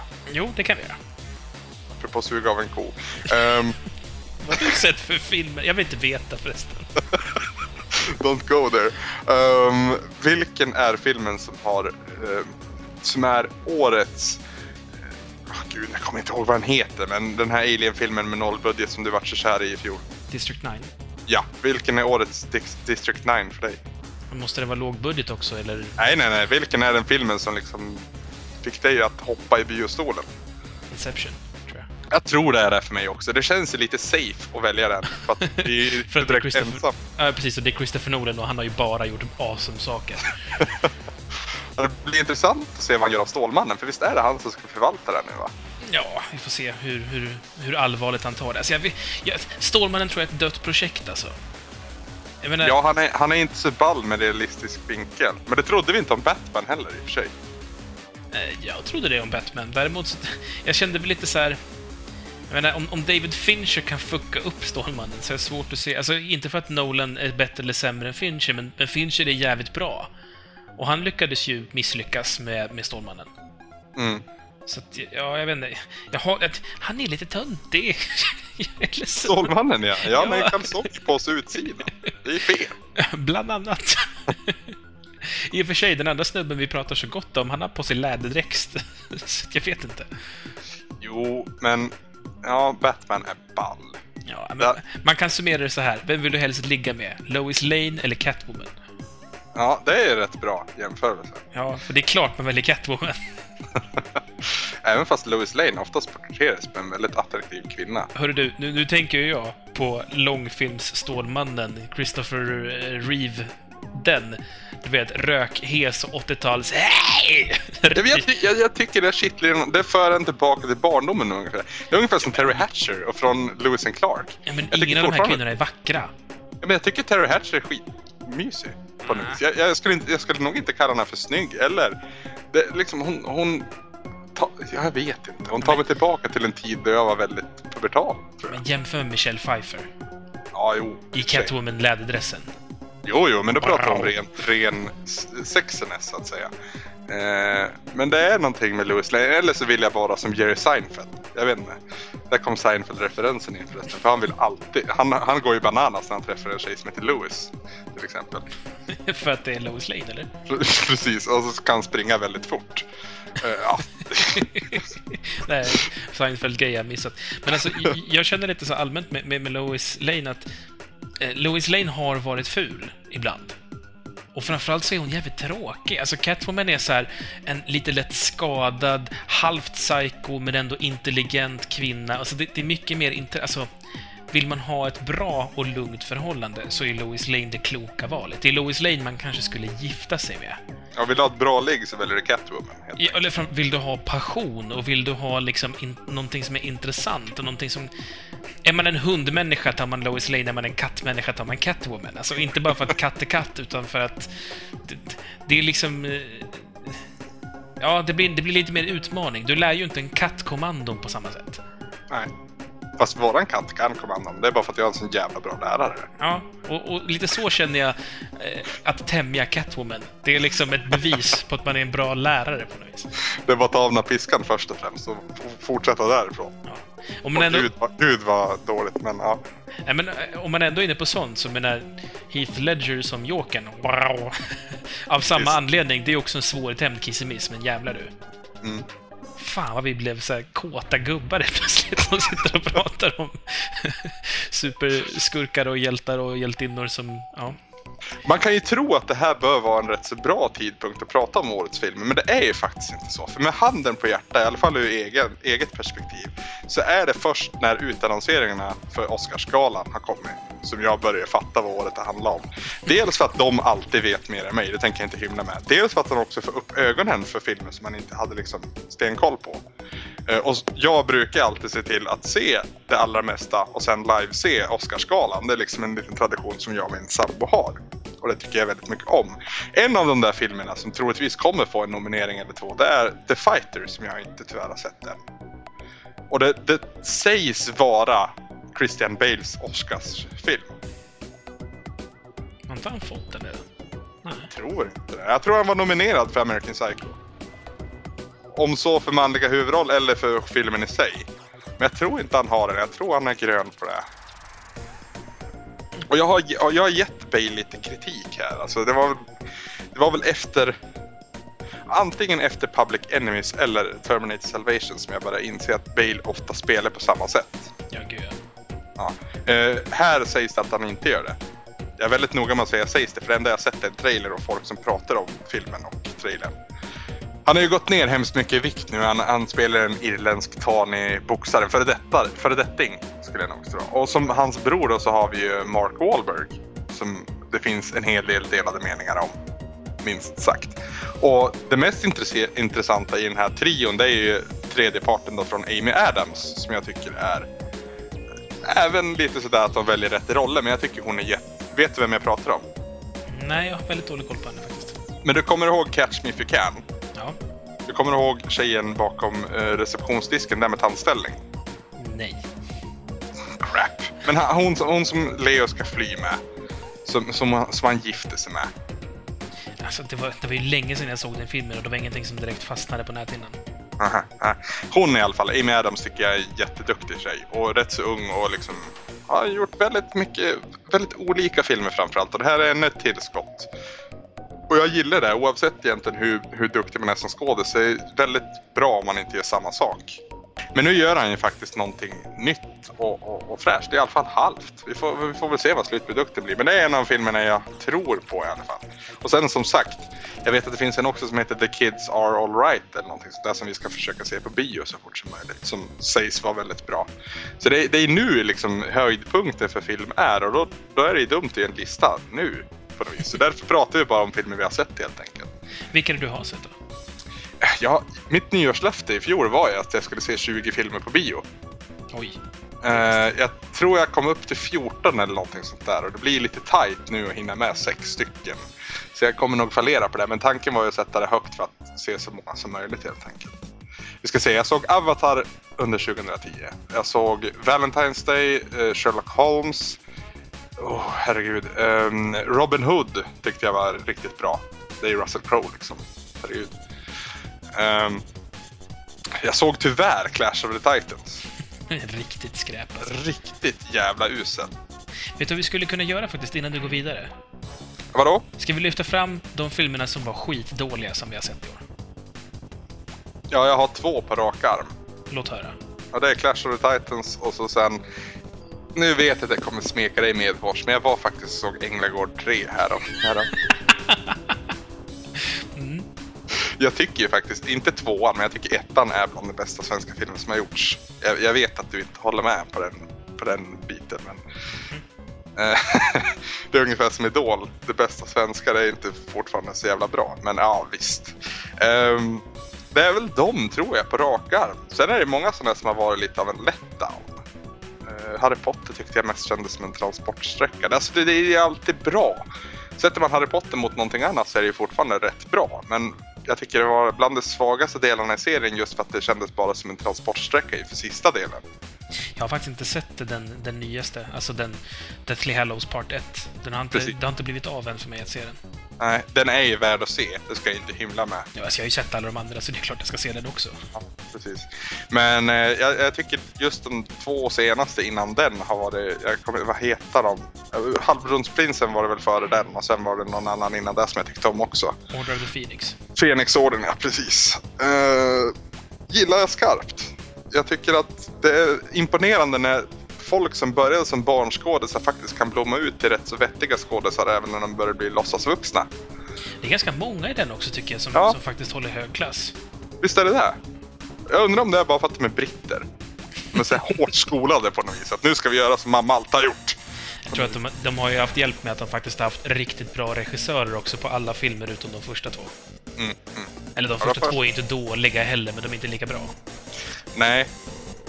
De har, ju, de har ju verkligen vuxit till sig. Ja, eh, en film som jag vill lyfta fram som en riktig skitfilm, det Mhm. är The Wolfman. Ja, den såg jag också på bio. Jävlar Tyvärr. vad dålig den var. Den var skitdålig och det värsta är att folk inte tycker det hela tiden. Det borde liksom vara en armé av hat mot den filmen, men det, det är ju folk som verkligen gillar den. Men den är ju hjärndöd och... För, för min del så var den ju mest tråkig. Ja, Men- och ful. Ja, ja, det, det är väl typ allt som går på bio nu för tiden känns som. Jag brukar ju gilla Benice del Toro alltså, men inte han ens var bra. Ja, men alltså, jag brukar ju älska Anthony Hopkins, och Emily Blunt är inte direkt någon man, man så här, kastar bort. Eller Hugo Weaving. Mm. Ja, Hugo Weaving gör ju liksom... jag, vet inte vad man ska säga om hans karriär riktigt. Väl Han, men han går runt och har... Eh, vad heter det? världens bästa speakerröst. Ja, och eh, ett par förjävligt vassa... Eh, vad heter de? Ögonbryn. Han är ju, han är ju browman, liksom. Ska du härma Hugo Weaving, då tar du ju tag i mitten mellan ögonen och så, så spärrar du upp ögonen så du får de här vassa strecken. Ja, Wolfman. Sög. Sög hårt.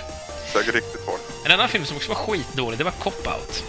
Ja, ja, jag sa ju det! Ja, men det visste vi att den skulle vara dålig. Kevin Smith har ju inte gjort en bra film på hur länge som helst. Det var lite vi som diskuterade det här i förra skitsnackavsnittet, eller något annat avsnitt där vi snackade skit. Eh, och du tyckte det var rätt okej, eller, eller? Just det, det var, det var när jag jämförde Kevin Smith med Tim...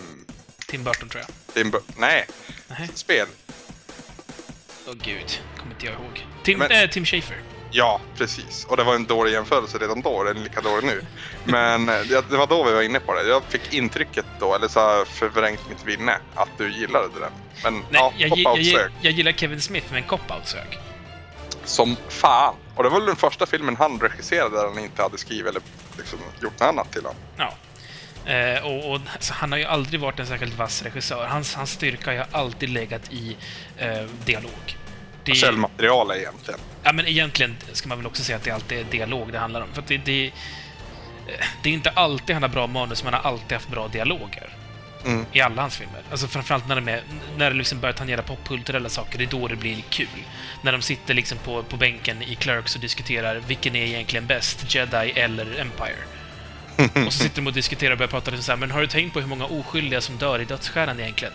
Jag menar, i, i den sista filmen så är ju de den är ju inte färdig, alltså är det en massa byggarbetare där som inte har någonting med Imperiet att göra och ändå så blir de offrade. Och fattar du hur stor den är? Det måste vara flera miljoner arbetare.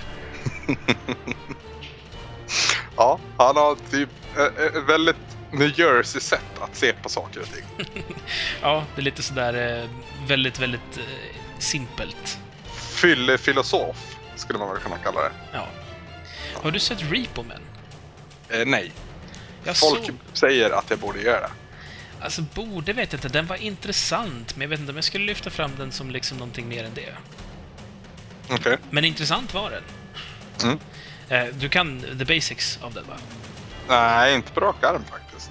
Alltså det, det är någon slags framtid och eh, det är en framtid där man kan tillverka eh, organ mekaniskt.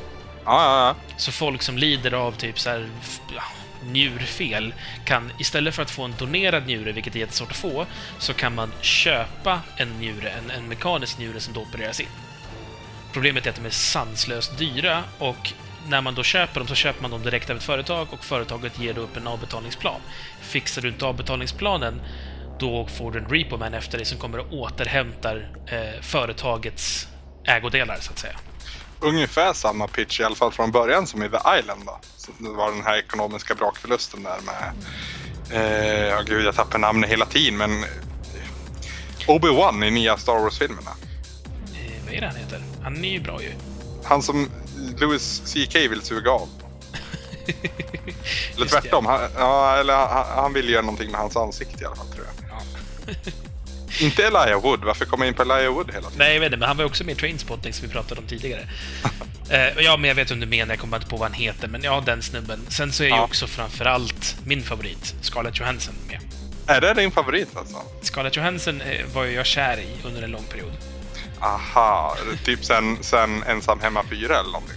3 kanske var. Nej, nej, nej, senare än så. Men, men eh, sen um, Eight-Legged Freaks, tror jag. Okej. okej. Jag kan också nämna att jag har ett ex som såg precis ut som henne. och Jag undrar fortfarande idag ibland varför gjorde slut.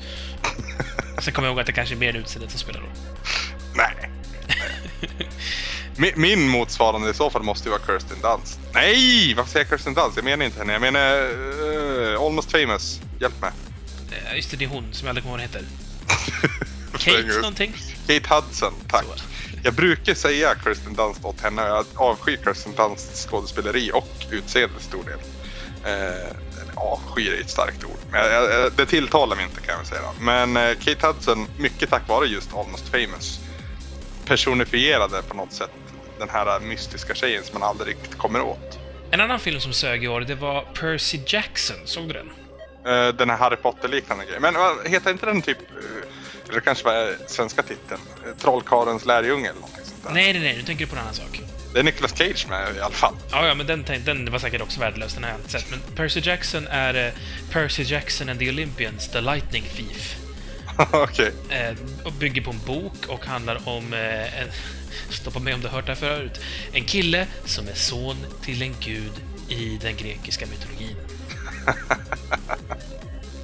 Ja, Clash of the Titans kanske? Ja, den, men så kan jag säga att den här var skitdålig och en riktigt blek och usel kopia av Harry Potter-franchisen fast satt då. Istället för med magi så var det med grekiska. Det känns som så här, hmm, vi kopierar det där rakt av bara. Och det var ju typ det man hade gjort. Och eh, bajs, bajs, bajs, helt värdelös. Okej. Ja, Trollkarlens lärjunge var inte heller så bra. Nicolas Cage till trots då. Ehm, Eller på grund av. Kick-Ass, när kom den? Eh, den kom nog i år, jag har dock inte sett den. Har du inte? Nej, jag har inte blivit... Där har du ju en ännu en bra film med Nicolas Cage med i, i matchen. Den är, den är kick-ass. Och en som spelar ungefär samma division, det är ju Scott Pilgrim vs. The World. Har du sett den? Ja, den var fin. Ja, det, det är ju liksom nördkärlek i den bara. Det känns lite enkelt på något vis. Eh, vi hade en diskussion Eh, eh, ett, tag om det vore så mycket utan alla som är tv-spelsreferenser men det är liksom som att ta bort poängen i och med att de också finns i serietidningen som den är baserad på. Ja, men det är en så stor, det är en så viktig del av det hela. Det är ju, alltså, det är ju mer ett, ett, en, en, ett media på något vis än en berättelse. Ja, det, det är liksom som hu- huvudpersonen uppfattar situationen. Ja, men alltså det är en viktig del av hela ramberättelsen. Alltså, utan den så är det ju ingen historia. The medium is the message, på något vis. Precis, precis. Så ja, den gillade jag skarpt. Ja, vad har man mer sett i år då? Jag såg eh, den här nya versionen av Nightmare on Elm Street. Mhm, Den var väl sådär. okej. Ja, jag tycker väl inte att varken original eller någon uppföljare kan ha så mycket att komma med. Jag gillar ju originalet. Ja, alltså jag har bara sett den en gång och då var jag så här alldeles för ung för att tycka någonting egentligen. Alltså, jag den, kanske den, är egentligen in, den är egentligen inte bra, men jag gillar den ändå. Liksom. Okej. Vad är det du gillar då? Alltså, jag är väldigt svag för skräck och Freddy har liksom... För mig är Freddy så här ansiktet på skräckfilmer. Okej. Det, det, det är han som är skräckfilmer på något vis. Det, det är en sån... I ramberättelsen, alltså Wes Craven är ju mästerlig på det här, men ramberättelsen kring Freddy är ju faktiskt fantastisk. Det är precis som The Ring, Ja. du vet när den kom. Det som var så underbart med The Ring, det är att hela... I, I vanliga fall när du ser en läskig film så säger du för dig själv det är bara en film, det är bara en film, det är bara en film. När Mm. du efter att ha sett The Ring så säger du hjälp, det är en film, hjälp, det är en film! Alltså det, det är ju sånt hysteriskt smart sätt att bygga det på. Mm. Eh, när du ser Nightmare on Elm Street, som är liksom lite samma tänk fast tidigare, då är det det här... "Ah, Ja, men lyckas jag bara somna så kommer det liksom... Så, så, så vaknar jag imorgon bitti och så är jag inte rädd längre. Mm. Hela Freddy Krugers grej är du får inte somna. Mm. Och det är ju så fantastiskt. Så man ligger där och jag var ju skiträdd, jag var ju vaken hur länge som helst. Apropå Freddy Krueger och Inception. Förstår du vart du vill komma då? Eh, Gå in i folks drömmar. Ja, och framförallt två mäns tolkning av allt populärkultur heter i, i dagens läge. Jag tänker på en tv-serie med tecknade figurer. Hjälper det dig? Det finns väldigt många, jag vet inte vilken du tänker på. Ja, men South Park. Herregud. South Park-avsnittet In Sheepsen var ju helt, helt makalöst bra. Jag, jag vill trilla över lite på tv-serier där. Eh, För jag tror att vi kommer diskutera lite mer film när Oscarsgalan är eh, igång där någonstans senare under 2011. Jag vill Men- flagga en sista gång för Human Centipede bara. Ja, den tänker jag aldrig se kan jag säga. Ja, den var väldigt märklig. Ja. jo, Så, jag ville bara ha det sagt för jag vill inte glömma bort den. nej, precis. Tv-serier under året. Dels de vi har följt. Är det kvar Samson? Jag är kvar. Okej, för det, det där bruset försvann så jag var orolig att det skulle brytas om några sekunder. Nej. Bara för det så kommer det brytas vid nästa ord jag säger. Vi kan ju säga det på en gång till er som lyssnar att Skype är riktigt bråkigt med oss ikväll. Så att vi, vi är lite så här på helspänn. Vi hinner prata i tio minuter i taget som längst. Precis. Vi får inte säga några långa meningar för då måste vi ta om den där jävla långa meningen och det kommer bli väldigt konstigt att lyssna på det här i efterhand. Ja. Men South Park eh, under 2010 har varit bättre än någonsin tidigare. Ett statement från mig. Jag vet inte om jag håller med dig. Nähä? Jag tycker South Park har pikat. Och de är dalande nu menar du? Nej, men de... Alltså, South Park har en extremt hög lägstanivå. Mm. Eh, och de har framförallt en ännu högre högsta nivå. Men det känns som att de har legat på en, en väldigt hög, men ändå medelnivå väldigt länge nu. Alltså, South Parks grej... South Park är ju som bäst när de gör två saker. Dels när de är så äckliga som de bara kan. Då är de så, alltså vet, när de verkligen, när de, när de testar gränser för vad som går att sända i TV. Då är de ju suveräna. Och sen Ja, framför, typ, typ när Randy inte har fått tag i internetporr på ett tag. Han till exempel. Eller ja, när Randy lägger världens största bajskorv. Eller, ja, det finns ju hur mycket som helst. det mesta utgår från Randy faktiskt. Det är rätt kul. Ja, tidigare var det- Men när Cartman har ihjäl en killes föräldrar och tvingar hon, och lurar honom att äta upp dem i en chili. Alltså det finns massor... Det, det, när det är som grövst är det fantastiskt. Och sen framförallt när det knyter an i något liksom nutidsorienterat. Mm. Ja, om vi kollar på förra säsongen, eller förra terminen då, om vi ska prata där. Alltså på, på vårsidan där så var det ju... Eh, eller nu pratar jag om i fjol förresten, förlåt. Jag tyckte det var helt suveränt i alla fall när de gjorde ett avsnitt om att så många döda kändisar hade dött under 2009. Och sen de lämnade ute Michael Jackson, för man satt ju och visste att han skulle komma men man visste inte hur han skulle komma. Och så var det så försi- försiktigt i bakgrunden med That's ignorant! Och det, det var så suveränt bra.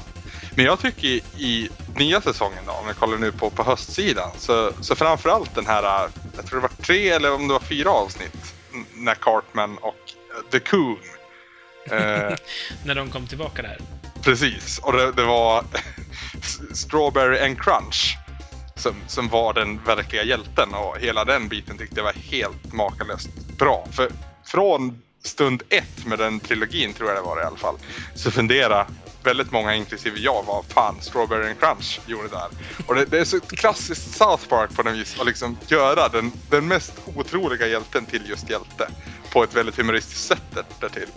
Ja, och sen också att lyfta fram hela den här... eh, Att man tror att det är Kenny Ja, så himla länge. Och just twisten med att det där var Kenny. Alltså, jag var ju puckad. Jag fattade inte att Mysterion var Kenny. Förrän han sa I can't die. Och då var det så liksom så här. Åh, vad puckad jag är! Det borde jag fatta liksom. Men äh, det var suveränt. Och jag tycker också om det här att han knyter an till tidigare avsnitt på något vis. Det är inte att det är historia och så, utan saker som har hänt tidigare faktiskt, in, långt ifrån alltid, men saker som har hänt tidigare kommer tillbaka sen. Och just det här med att Kenny dör fick ju liksom en typ av förklaring i alla fall. Och det var ju liksom där South Park nischade sig med i de första säsongerna. Så det, det, det är fint på något vis. Och jag tycker Trey Parker och Matt Stone som gör South Park, de har... Jag gillar folk som har fingret på pulsen på något vis. Och man kan alltid vända sig till dem om man vill ha en skön tolkning av det som är patetiskt i världen. Kanye West till exempel, när han var en gayfish. Den var hysteriskt rolig. jag tror det är det bäst lysande exemplaret faktiskt. Men eh, ja, det finns fler, tro mig. Fast det roligaste med det avsnittet, det var ju i så fall eh, den här, vad heter han, den latinamerikanska komikern som snor folks skämt. Just ja. Så vart misshandlad av Kanye West för att han trodde att han hade kommit på gayfish-skämtet. Ja. Det är ju hysteriskt roligt just för att den snubben i verkligheten blir anklagad för att sno folks skämt på riktigt. Alltså det är, ju- det, det är deras sätt att lyfta fram eh, nutida saker som gör dem så himla bra. Sen så är det inte alltid man håller med om det de säger. Eh, Deras, liksom, deras sågning av Inception. Eller egentligen sågning av Inceptions fans. Ja, eller trailern uppfattar jag det som i alla fall. Just den här killen som i bakgrunden. Jag tyckte det var helt suveränt. Ja, men det var ju också så att det, det, de, det, det hela avsnittet handlar egentligen om var fan vad jag är less på folk som säger att Inception är en smart film. Mm. Bara för att de fattade det. För att det är inte så jävla mycket att fatta egentligen. Nej, Men alla, alla har fått för sig att det är jävligt svårt att fatta Inception, men, men det är ju inte det. nej. Det är bara att de som skriver det som statusuppdatering att de inte förstod någonting av eh, Inception. När de skriver det här som statusuppdatering på Facebook Inget ont om de som har skrivit det, men de är ju också rätt puckade. Och då får de som inte uppdaterar Facebook varenda timme eh, känna sig lite smart. Inget ont om de som har gjort det, men de är puckade. Det är ju det. Fattar Men- man inte ja, men- Inception? Anders, Anders, jag har inget problem med att du säger att de är puckade. Mitt problem ligger i att du säger ta inte illa upp, men fan vad du är dum i huvudet. Jag killing with kindness, eller vad brukar man säga? Ja, så, så där är en sån där grej som provocerade mig så otroligt mycket när jag var yngre. Jag minns när jag gick i, i gymnasiet. Så, så, jag gick i, i, i teater, så det var ju typ jag, två killar till som var resten tjejer. Vi fick ju alltid höra "Åh, alla killar är så jävla dumma i huvudet och så vänder de sig till och säger ta inte illa upp.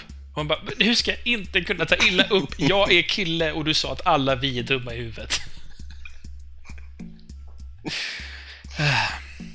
Vi är ju rätt dumma i huvudet. Ja, men vad fan, man måste inte säga det. Nej, det är, det är jobbigt. Eh, vart var vi? TV-serier. Har du, har du, vilken serie har, har du liksom vill ha skrikit för? I I år. år. Mm. Alltså, jag vet inte om jag börjar titta på någon ny i år. Förra året så, så plockade jag på flera stycken. Mm. Alltså vi hade ju ett, av- vårat förra skitsnackavsnitt grundade sig i stort sett kring serier. Ja, så vi ska inte liksom förankra oss i det. Nej. Eh, jag- jag vet inte om det är något särskilt jag vill liksom lyfta fram sådär som jag börjat kolla på i år. Eh, Förutom Så mycket bättre då. Ja, det skulle... Ja, eller The Walking Dead kanske. Ja. Fast jag vet inte om jag behöver skrika så mycket om den. Nej, precis. Alltså jag började kolla på en serie på, på tips av en kompis. Eh, som inte började i år, men som jag bekantade mig med i år. Och det är Sons of Anarchy. Som, alltså... Jag är ju pushad för att Dexter är det bästa sen Sopranos och så vidare och blaha blaha blaha. Men det här tar ju allt i. Och det är fantastiskt för att det handlar om ett MC-gäng och det finns ingenting som jag tycker är så ointressant som liksom romantiken kring en, ett MC-gäng. Men ändå så, så lyckas man göra en sån jävla bra och intressant serie kring konceptet med romantiken kring MC-gäng. Jag förstår inte vad det är riktigt, vad jag egentligen ska peka på. För det är ingen skådespelare som är briljant. Förutom kanske hon som spelar liksom, liksom morsan i hela det här trädet. Hon som spelar Al Bundys fru Mm. en gång i tiden. Hon, ja, precis. Och hon har fått en nominering också från Golden Globe om jag inte missminner mig. Vilket de borde vinna för hon är verkligen briljant i den serien. Det görs lite enkelt också i och med att hennes man är manus, han som skriver manus. Men ja, ändå. Alltså Sons of Anarchy, jag tar upp det mest för att vi inte pratade om det i, i, i förra skitsnackavsnittet. För då hade jag inte börjat kolla på det. Och när jag väl fick tag i det då var det liksom att det var tur att jag var ledig från jobbet just då. För jag hade liksom inga alternativ. Jag var bara tvungen att plöja igenom allt när jag väl vart hooked. Sen när jag började kolla på Glee av någon jävla anledning. För det är en sån där serie jag inte vill tycka om, men jag gör ju det. Jag tittade på Glee. Glee är jätteintressant var sjunde avsnitt ungefär. Mm, För alltså storyn i Glee är ju helt ointressant. Det handlar bara om att de ska hitta ett, ett, ett musikaliskt ämne som är intressant att höra covers på. mm, precis. Och det är liksom high school miljö dessutom, vilket är gjort, gjort, gjort, gjort, gjort, gjort, gjort. Ja, och det var ointressant på 70-talet redan, när de började göra det. Förutom i Breakfast Club. Ja, fast det är ju inte high... Ja, alltså, skitsamma. Jag har aldrig gillat den här high school... Eh, vi har ju inte den i Sverige till att börja med. Det är ju inte så där det ser ut på, på högstadiet slash gymnasiet i Sverige. Men finns det där högstadie överhuvudtaget? Det undrar jag. Alltså, för det är ju ungefär samma, liksom, att det är väl hierarki mellan de olika klickarna. För det första är de här klickarna något sånär tydliga som de porträtterades. Eh, och liksom existerar. För jag har en kompis som gick ett år i USA i skolan där och han beskrev det inte alls som det, att det var jättelikt Sverige. Så det kanske beror på lite vart man är i USA i så fall. Det är det säkert. Oavsett vilket så är det så jävla ointressant, för det är alltid så extremt överdrivet. Och, och det finns ingen någonsin, någonstans, som har varit kung över skolan. Om Förutom är, jag då. man är väl kung, i, kung över skolan den dagen eller veckan då man råkat göra något bra eller häftigt. Men sen så är man ju precis lika mycket nolla som alla andra dagen, liksom dagen efter det. Så Jag tror, jag tror det nu säger inte jag att jag har varit kung över skolan någon gång, för det har jag verkligen inte. Snarare joker på sin höjd. Eh, men jag tror det är enklare ju mindre skolan är. Ja, det kan det nog vara. Det är också mindre prestigefyllt ju mindre skolan är. Jo, givetvis. Men, ja. Det skulle komma någonstans. Eh, nej, det är bara att det är gjort. Eh, jo, det skulle som Glee. Jag, jag har slutat kolla på Glee, för att jag bryr mig inte om historierna i det. Jag bryr Nej. mig inte om karaktärerna, jag bryr mig inte om historierna. Jag brydde mig i början, för jag tänkte att det skulle bli någonting, men det blev det inte. Det, alltså, Glee är bra när de gör bra låtar, och är det, inga, är det inget bra ämne den här veckan, då skiter jag i vilket. Ja, alltså jag fastnar ju någonstans där vid match, mashupen mellan Don't Stand So Close To Me och Young Girl tror jag den heter. Som den här läraren gör i, tror jag, femte avsnittet. eller någonting sånt där. Det sände de på TVn när jag jobbade och jag liksom såhär, oh det här, det här skulle vara någonting. Och jag visade för min sambo. Och hon vart snarare fast i handlingen i Glee. Medan jag gillar de här musikaliska utsvävningarna, eller om man kan kalla det utsvävningar. Men ja, jag gillar den musikaliska biten i serien. Medan hon snarare tycker att det är intressant att följa handlingen. Jag vet att hon är väldigt så här, förälskad i ja, han som är ultra gay. Ja, men det är väl alla. Ja, jag tror det är liksom tanken med just han är det. Och framförallt hans pappa. Ja, hans pappa är väldigt förtjust i, för hans pappa är så jävla cool. Ja, för att, och är, han är så ostereotypisk som man bara kan bli. Det är väl det som gör honom så cool, tror jag. Och väldigt levande karaktär på något vis. Det känns som att det är den enda där egentligen som kan finnas på riktigt. Om inte läraren också är lite grann. Fast han är lite för jävla präktig, alltså. Läraren ja. Ja. Ja, jo, men just historien bakom den läraren finns ju i alla fall någonstans kanske. i verkliga livet. Däremot så är jag jävligt förtjust i Sue Sylvester. Mm. Elaka häxan. Den skådisen alltså. Jag vet inte vad hon Ja. heter, men fan vad hon är rolig. Och det var så suveränt, nu vet jag att vi inte kollar på Two and a Half Men, men hon spelar ju psykolog åt Charlie i, i den serien. Och han träffar henne och sen går han hem och kollar på Glee i ett Two and a Half Men avsnitt. Och jag älskar när de gör sådana här crossovers. Vare sig det är en liten, liten grej. När Charlie Sheen finns med i, i Big Bang Theory. Jag liksom jublar åt det, för mer sånt. Herregud, vi är inte puckad. Och vi kollar på allt ändå för att vi är eh, monotona konsumenter hela högen. Vi är inte puckade, men vi kollar på allt och vi är monotona konsumenter. Ja, ja men alltså vi, vi fattar ju att det går att göra det. Ja, men det är ju alltså, det är ju precis som, som South Park gör. Det är ju ett sätt att belöna den duktiga tittaren. Mm. Precis som de belönar den, gen- alltså som Simpsons också gör fruktansvärt bra. Belönar genom att referera till tidigare händelser som du bara kan om du har tittat tidigare. Så är det här en belöning till de som tittar på båda serierna.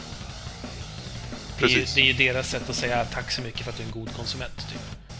Ska vi gå ifrån serier och Samson och gå in på det som faktiskt vi brukar prata mest om? Ja, det kan vara på sin plats. Och jag har ju faktiskt skrivit en topp 10 i, i, i spel jag tycker är bäst under 2010. Jag tänkte inte ta hela topp 10 här för det blir alldeles för långdraget. Men jag har ju en topp 5 här som dels kommer upp på bloggen under nyårsafton och dels också vi pratar om nu. Eller jag kommer prata om det. Har du en topp 5? Eller vill du bara kommentera på min lista? Jag har en topp 5. Ja, bra. Då vill jag höra din femte plats först. Ja, Alltså min topp 5-lista får man också komma ihåg att det här är ju en topp 5, precis som med våra topp 100-listor, över mina favoritspel i år. Kanske inte de bästa i år och vi har inte spelat alla spel som har kommit under året heller. Mm. Men på femte plats så sätter jag Singularity. Okej, ett spel jag inte har spelat. Eh, Det är alltså ett eh, FPS eh, som lånar ganska mycket från Bioshock, fast har lite mer Sovjetstämning. Mm, mm. Eh, Utvecklat av eh, de gamla rävarna på Raven Software. Mm, de som alltid är först men är aldrig bäst. Precis. Och Så att där är det inte så. nej, och tyvärr så finns de inte längre heller. Eh, Ja, det är lite tragiskt. Nej, det, ja, det är väldigt, väldigt tragiskt. Men eh, spelet i alla fall är, är ett ganska kul, alltså egentligen så är det en ganska rak och simpel shooter, men den varierar sig ganska mycket. Den blandar pussel med korridorer, med öppna slagfält och, och fienderna är faktiskt ganska varierade, för du slåss både mot så att säga tidszombies. Mm. Ja, det finns tidszombies. Eh, du, liksom, ja, strålningsskadade liksom, monsterhybrider som mer fungerar som typ Left 4 Dead-monster och mot vanliga soldater. Så att det är liksom väldigt blandat. Det blir både det här liksom, oj helvete, här kommer det 40 skitstarka melee-fiender och typ, där kommer en armé av snipers. Så att det är liksom, det växlar väldigt mycket och du får en väldigt rolig leksak då i, i, i en time manipulation device. Där du kan liksom eh, ja, flytta tiden fram och tillbaka genom att peka den på saker. Så du kan ju typ peka på en människa och typ tidsförvränga honom framåt i tiden så förmultnar han och dör. Alright. Så det, det finns mycket kul man kan göra med spelet och det ser skitläckert och snyggt förstås. Det är ju Unreal-motorn och den eh, gör som den brukar göra. Mm, mm. Sen finns det en, en riktigt härlig bossfight också som påminner om Capcom. Eh, så det är ja, lite Capcomsk var det. det är någonting jag garanterat kommer plocka upp om jag ser den i reabacken. Risken känns rätt stor att den kommer trilla dit rätt snart. Har jag fått för, fått, fått för mig i alla fall. Jag tror att den redan finns där om jag ska ärlig. Okej. ja. Eh, min femte plats, den går till Kratos och God of War 3. som jag tycker inte är det bästa i serien på något sätt. Men eh, ett på alla sätt värdigt avslut ändå på den väldigt blodiga sagan. Det det hade önskat kanske lite mer, det var att man inte för, att man verkligen gick all in med Kratos, Och att han var liksom 100% en oälskvärd karaktär. Medan man istället i trean försökte göra lite av en, ge han sympati alldeles på sluttampen. Vilket bara känns, kändes onödigt. Men det som är eh, God of War, det som alltid kommer vara God of War, det är ju liksom det väldigt enkla men ack så beroendeframkallande gameplayet och liksom känslan av att göra allt awesome shit som man delvis i alla fall gör. Och jag säger delvis för att ska referera till nästa position på listan. Men eh, jag varit mäkta imponerad av God of War 3. Allt, allt ser ballt och snyggt ut och allting känns liksom köttigt, tungt, jävligt maffigt helt enkelt. Och någonstans inom mig talar emot mig att tycka om det här, men det är för bra för att inte göra det. Mm, det är bra summerat. Ja, du hade inget mer du ville säga om God of War? Nej, alltså jag har ju inte spelat det så pass mycket. Eh, så för mig är det mest att det jag har spelat av det känns som att det eh, verkar vara ungefär vad jag tror att det är. Mm, och det är precis det kan jag säga. Ja, och, och, jag känner att det ger förstås mig någonting. Jag har ju spelat ettan och tvåan liksom. Mm. Men jag hade kanske hoppats på någonting ännu större som finalen på liksom Kratos äventyr. Mm. Men det är alltid sådär när episka saker ska avrundas. Jag menar, det är väl egentligen bara Peter Jackson som har lyckats anser jag. Ja, jag skulle säga Rowling också. Är, nu har jag läst hur Harry Potter slutar. Ja, det är inte jag, så jag, jag vet inte. Jag kan säga jag tycker att hon avslutade väl. Okej, okay, vad bra. Det, det, är väldigt spänd på det där till våren, är det väl den ska komma. Mm. Eh, får jag ta min fjärde plats på en gång i och med att jag refererar till den? Så tar du din fjärde plats sen. Kör hårt. Ja. Och det är Vanquish. Där man för första gången under spelhistorien faktiskt får göra alla awesome shit-grejer som man annars får göra via quicktime events. Och det är inte samma sak att trycka på ring som att faktiskt göra alla kommandon och få det att se lika ballt ut. Och det får Platinum Games liksom guldmedalj av mig för att de lyckas med den bedriften alltså Vanquish har inte många faktorer som talar för sig, men den faktoren som de har är gameplay-kärlek och det är så fruktansvärt bra så att det räcker till en fjärde plats. Jag älskar Vanquish just för att det är ett spel. Fint. Mm? Du har såna så här fina små, små summeringar. Jag bara pratar på mina. ja, jag läser faktiskt inte till här. Uh, och jag ska skriva om de här fem spelen senare i natt eller imorgon bitti för det ska ut på min blogg också i lite längre texter och jag kommer nog låna lite från mig själv här. Men det här är alltså första gången de författas ihop i min skalle. Nu har jag i och för sig skrivit en recension på Vanquish. Uh, och en kort summering av God of War 3 också minns jag nog. Uh, men ja, jag lånar väl lite av mig själv där också. Men jag går vidare. Min fjärde plats mm. tillfaller Halo Reach. Okej. Okay. Det var oväntat. Eh, ja, för mig också kan jag säga. Jag är inte något större fan av Halo-serien. Inte jag heller. Eh, jag tycker inte på något sätt att det är dåligt, men jag har aldrig fastnat för det själv. Men Halo Reach på något vis lyckades ändå. Alltså, jag tycker att det är bra. Alltså, även fast jag inte bryr mig särskilt mycket om berättelsen. Och den här är ju en berättelse som sätter upp inför första spelet egentligen. The Fall of Reach, där liksom spartanerna dör och det, det, det är ett slag som kommer att förloras. Så mm. hela Halo Reach handlar egentligen om att man vet hela tiden att allt kommer gå åt skogen. Mm. Eh, innan det här är slut kommer alla vara döda, så mycket har man förstått redan. Ungefär som Episod 3 av Star Wars då? Eh, ja, i princip, fast, fast det här känns bättre. För att eh, det man liksom gör då är att man, man har ändå liksom så här, någon slags heder i att så här, men vi ska kämpa in i det sista. Vi ska inte göra det lätt för dem. Och det är typ det man gör. Och sen så visar det sig också att man gör några liksom viktiga nyckelgrejer som då leder till situationen som sker i, i, Halo 1, så att säga, med Cortana och med Master Chief och så vidare. Och som sagt, jag bryr mig inte så mycket om Halo-loren, så den delen är inte så jätteviktig för mig. Men det är kul ändå med att, liksom, att ha det här lilla gänget som man lär känna och, och framförallt att alla i det här teamet, Noble Team, som man är med i då, alla har liksom sin grej. Det är en som är liksom heavy firepower, det är en som är snipern och så vidare. Och du, du ledsagas av liksom en av de här i taget i princip och det är liksom då du får snipa och nästa är då du får Alltså, du, det blir liksom, du provar många olika spelmoment som ändå är Halo och miljöerna är väldigt varierade. Det är liksom eh, ja, tidigare Halo-spel har varit väldigt mycket så här, nu är vi på det här stället och så är man där och så kanske man förändrar sig mitt i att man kanske åker ut i rymden nu på ett annat ställe. Eller som i Halo 2, som hela spelet nästan utspelar sig upp på den här Halo-ringen och, och man fattar typ ingenting. Och här känns det som att här är det väldigt platt. Det är olika planeter och det är luftstrider och det är, man får till och med flyga och det är rymdstrider. Man är på ett rymdskepp, man är på ett annat rymdskepp, man kommer till en annan planet och det är liksom, eh, man är inuti byggnader, man är utanför byggnader, det är stora slag, det är små slag. Väldigt hög variation. Man har slipat ytterligare på balanseringen i motorn. Multiplayer är ett helt enkelt kapitel som jag inte ska gå in på. Eh, allt som allt så är det ett värdigt avslut på Halo-sagan vad gäller Bungies del och eh, det är väl det som liksom satte deras namn på kartan. För jag menar, jag visste inte vilka Bungie var när de gjorde Marathon, men jag vet definitivt vilka de är i och med Halo. Mm. Alltså, jag har ju egentligen aldrig varit sugen på ett Halo-spel. Alltså jag spelade mycket ettan, för jag hade, jag hade ett par kompisar där som var helt Xbox-fanatiska och beskrev det som det bästa sen eh, flytande margarin, inte vet jag. Um, men jag fick ju recensera Halo ODST eh, i fjol var det väl för Gameplayers räkning. Och eh, jag fattade tycke för det.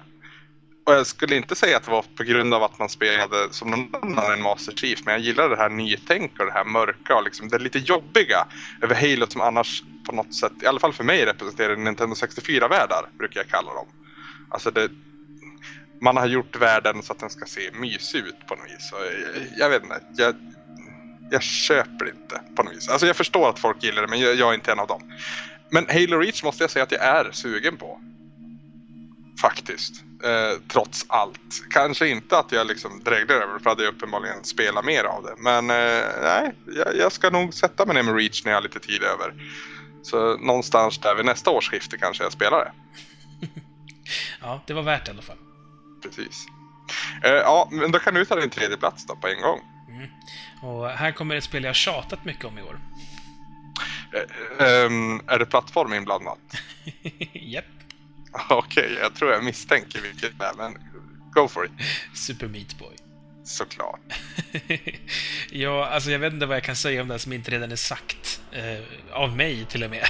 jag har pratat så himla mycket om det här spelet. Eh, det, det, är ett suveränt spel. Jag vill, inte säga mer än så. Jag, vill man veta vad jag tycker om Super Meat Boy så lyssna på Retroresan. Uh, men det... Eller gå in på save.se för menar, där finns också din snögubbe bland annat som är väldigt vacker måste jag säga. Åh, oh, tack, tack. ja, men, uh, det är ett jävligt bra spel. Det balanserar väldigt bra på jag hatar det här jävla skitspelet, jag slänger ut genom fönstret till Nej, jag försöker en gång till. uh, hysteriskt kul spel. Okej. Okay. Jag skulle inte säga att det är hysteriskt kul min tredje plats. Uh, eh, och jag trodde definitivt inte att jag skulle tycka om det eller ens bry mig om det. Uh, när det väl lanserades och släpptes. Men Rockband 3 har tagit min tredje placering. Och det är lite motsägelsefullt ska jag erkänna. För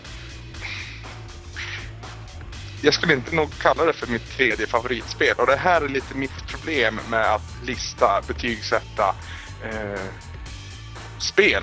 För vi, vi, det finns två läger och jag försöker hitta en mellanväg som inte alltid går. Där man ska liksom läsa som en konsumentrådgivning eller som en personlig upplevelse och knyta till, så att säga.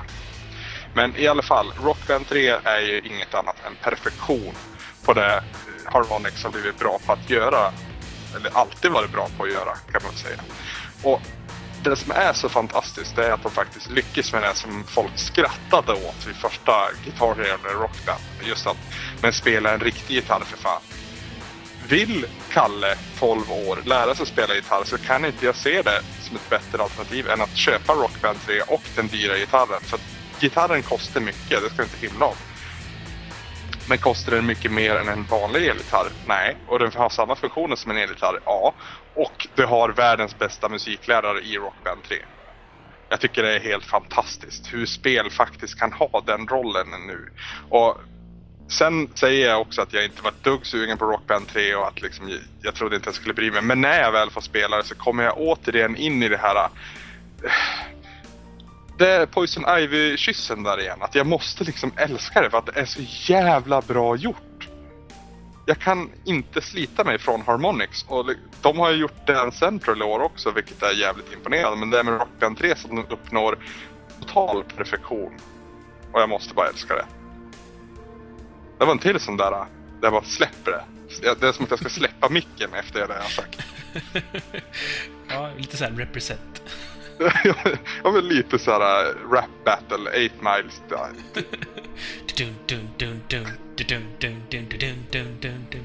ja, jag ska inte försöka rappa ett där, så ingen behöver vara orolig. Ja du Anders, ska vi gå in på våra andra platser? Ja, eh, och det är min tur då, misstänker jag. Ja, det får vi. Vi, vi kör två var sådär. Eh, jag tror du vet, jag tror många vet, att jag föredrar PS3. Av någon, alltså jag alltid säger jag en PS3-fanboy så skrattar jag åt det, men det är ju faktiskt så.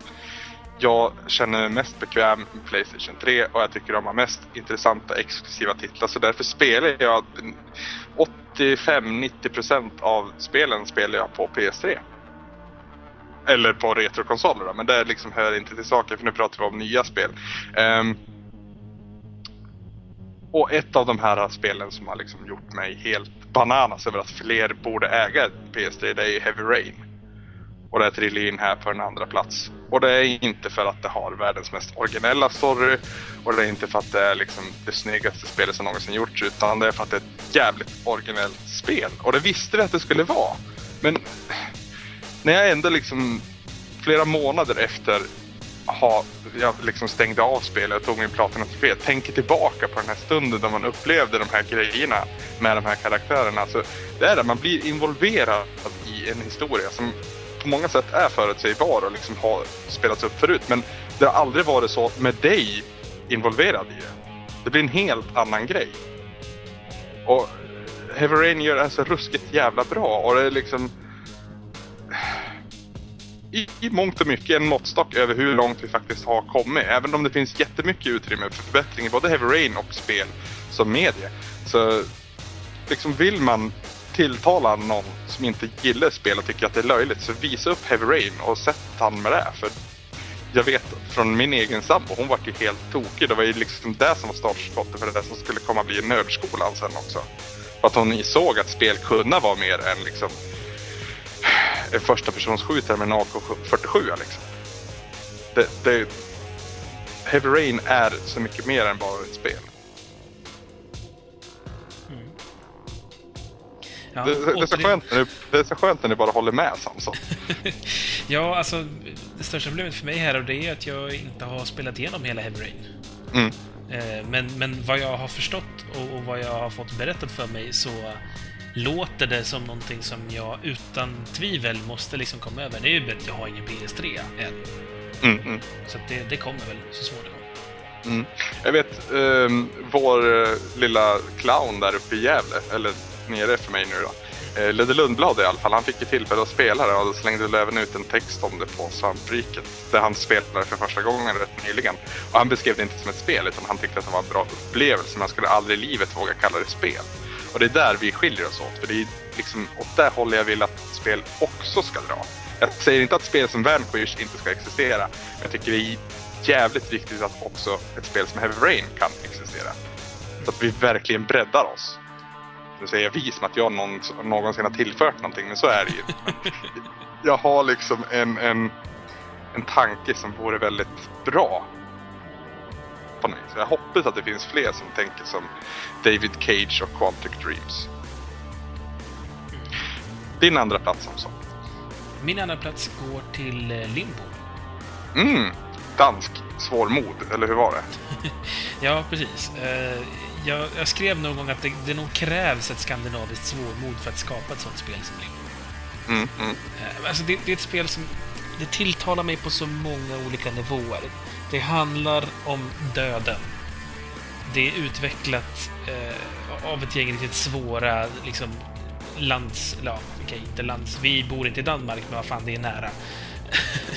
och, och, det är en, en fantastisk eh, art direction på hela spelet igenom. Det är en fantastisk sound direction på hela spelet igenom.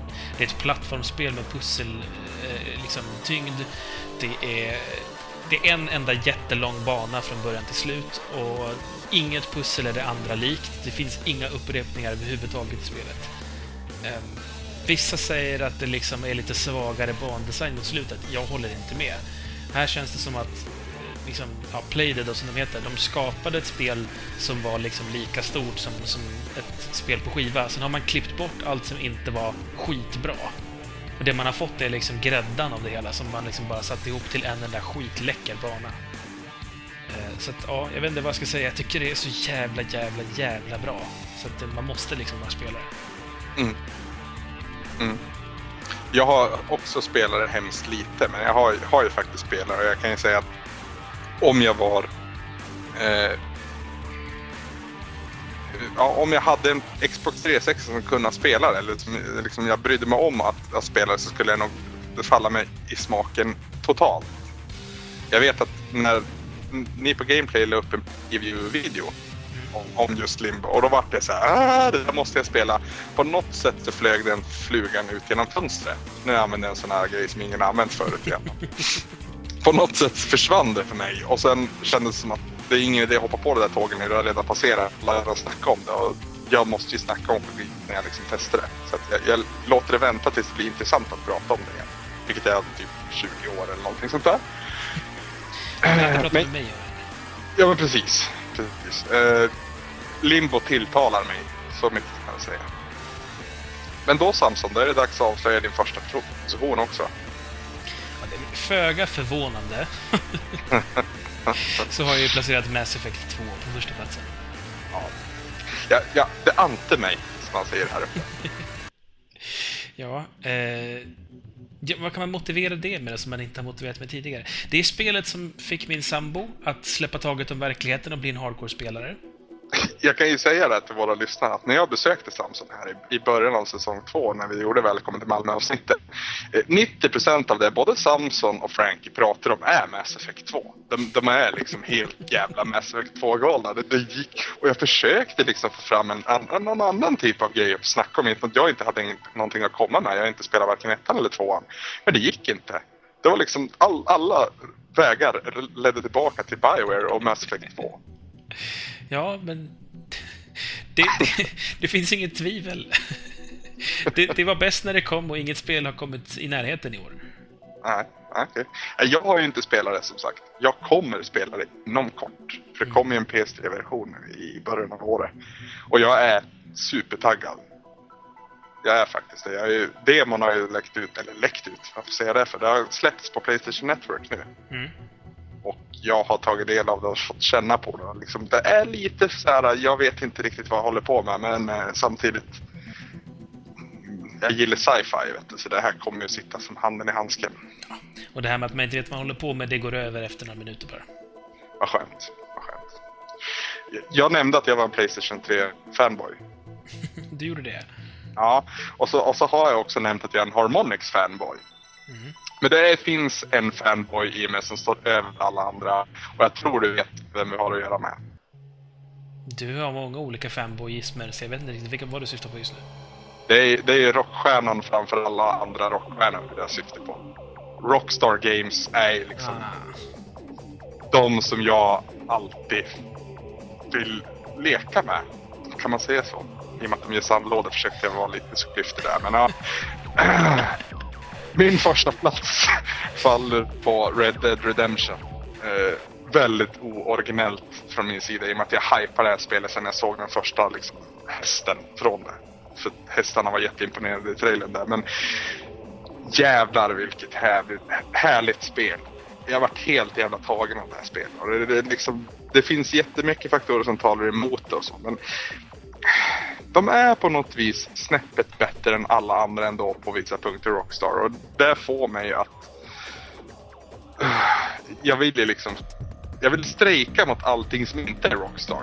Förstår du min passion för det då? Jag vill, jag vill liksom stå där, även om det är 40 minus och det regnar is, så vill jag stå där med ett plakat och liksom så här, Kanske ha en skylt som står Rockstar Games på, så är det inte ett kort över bara för att liksom markera hur mycket jag tycker om dem. Och på något sätt så lyckas de fånga där de är så väldigt bra i en, i en miljö som är ett öde. Vilket är rätt kul för att de har ju alltid varit att de, ska, ja, de gör en levande stad och det är liksom en, en sandlåda som aldrig förr och hela den biten. Men när de minimerar sin, sin, sina möjligheter på något vis som de träffar riktigt mitt i prick. För jag tycker Red Dead Redemption är det bästa de har gjort. Det tror jag är rätt så klart för det här laget. Och det är mycket som grundar sig där men framförallt så huvudkaraktären John Marston är på något sätt den bästa huvudkaraktären jag haft att göra med. Tror jag. För han, han känns verkligen som en... Han gör saker som vi inte förväntar oss att han ska göra just för att han är en huvudkaraktär. För att vi är så vana vid att det ska vara den här ehm, um, modellera-biten som vi kan forma själv. Men John Marston har sina ärr från förr och de låter han spilla över till beslut han fattar i, i spelet när det fullföljer också. Och jag gillar det, för att helt plötsligt har vi att göra med en huvudkaraktär som inte jag har fullständig kontroll över. Jag kan bara vägleda han på hans väg mot slutet. Jag lämnar det där. Um, och sen också om vi ska komma till slutet så är det väldigt... Än en gång så liksom är jag fångad av överraskningen på något vis som Rockstar har satt från allra första sekunden de började planera det här skulle jag tro att spelet skulle avslutas på det här sättet som det gör. Och det finns ju som bekant två slut jag hoppas alla som har spelat spelet också har kommit till den här guldtrofén som är när spelet verkligen är slut. Och de säger så mycket men så lite och hela den biten. Jag känner att hur mycket jag än sitter och halvskriker om det här spelet så kommer det inte att räcka för att beskriva min passion för det här spelet. Men det är det bästa spelet jag spelat i år.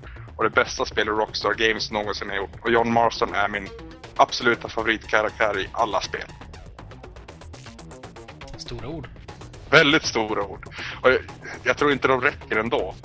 Faktiskt. Men jag älskar Red Dead Redemption. Och jag förstår hur det kan se ut utom med att jag hypar det här så jävla länge. Jag vet att jag nämnt i Retroresan ett par, tre gånger. Så det är liksom som att jag gör det för att jag skulle ha rätt från början. Men Ja men det finns, det finns folk till det. Och jag har väl kanske gjort det någon Nej jag har aldrig gjort det. Men eh, jag har misstänkt att andra har gjort det. Men i alla fall, det...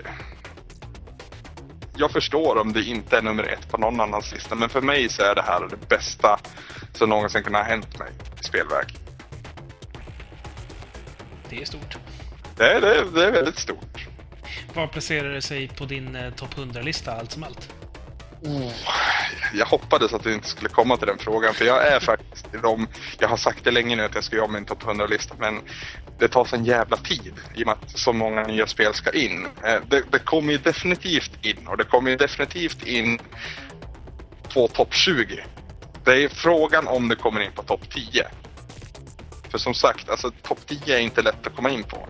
Och jag tror jag måste vänta Fast det är dumt, för jag har tänkt att göra det i slutet eller början av varje år. Den här uppdateringen. Man ska, inte, man ska vara försiktig med att slänga in spel för tidigt. För jag sa att jag tyckte om Final Fantasy 6 mer än Final Fantasy 7 en gång i tiden. Och jag vet inte om jag skulle kunna säga samma sak idag. Jaså? Nej, alltså... Jag tror det är ditt fel framförallt. Har sjuan växt på dig, eller vad är det? Ja, det är det. Och det, det, är mycket för att så många fler engagerade sig i mitt spelande där. Det var som att vi hade en liten klubb som spelade Final Fantasy 7. Så att liksom hela omgivningen på något vis var delaktig och det var liksom en... Ja men vi hade liksom jägerkvällar där jag spelade Final Fantasy 7 som liksom huvudrätt. Det var helt magiskt. Och det... Det toppar inte Kefka hur mycket han än skrattar. Alltså, jag tror faktiskt att sjuan är mitt favoritspel. Jag skulle säga att sexan är bättre rent uh, om man kollar på det från distans utan någon personlig anknytning. Men sjuan, oj vad häftigt det var. Jag, jag vet inte, jag, jag, säger ingenting. Tror jag. jag ångrar mig hela tiden när jag säger det. Men, men Rockstar är bäst. Ja, Anders, ska vi eh, börja runda av för idag? Ja, eh, tack för ett underbart år, säger man väl? Ja, det får man väl göra. Det har varit ett helt fantastiskt år. Ett, ett år som har varit helt fyllt med Samson Anders för första gången. För under 2009 så var vi bara där nästan hela året. Hela, hela, vår, hela våren 2009 så, så, så fanns ju inte vi som radarpar liksom. Men under... Å andra sidan ja. hade vi sommaruppehåll också. Jo, men vi fanns ju där ändå. Du hade ju... Du menar så? Ja, men... Ja. Vi, kände ju varandra fortfarande. Vi höll ju någorlunda kontakt med varandra i alla fall. Eh, ja, och så. Så 2010 är året då Samson och Anders har hängt ihop ett helt år. Utan några riktigt stora problem i alla fall. Det, det är Skype nu som har varit en hora, men eh, Det får man väl leva med. Det är så som det är. ja. Sen så kommer vi faktiskt tillbaka nästa år. Det är ju tur det också. Så 2011 kan bli minst lika underbart. Eh, vi har inte sagt något datum va? Nej, men både du och jag är väl lite så halv med om att typ eh, mitten av januari någonstans. Mm. Där någonstans. Det blir inte något jättelångt uppehåll. Det blir en halv månad ungefär ni får klara oss utan er. Nej, tvärtom. Ni, ni får klara er utan oss. Blir det. Ja, Precis. eller hur? Ja, ja. Det, det stämmer bra. ja. Mitten av januari är vi tillbaka med riktiga resan-avsnitt och förhoppningsvis ännu ett skitsnack-avsnitt i slutet av januari. Nej, men tack för 2010. Eh, Ja. Allihopa till att börja med, men framförallt du, Anders. Ja, och vi kom väl på något så här halvfyndigt sätt att avsluta det här på senast. Men nu har jag glömt bort det. Det kommer inte passa in heller för det här var inte bara skitsnack. Men vi, vi, vi, eh, vill du ta det Samson? Ja, och det var det. Du har lyssnat på Samson och Anders och det här, det var bara skitsnack.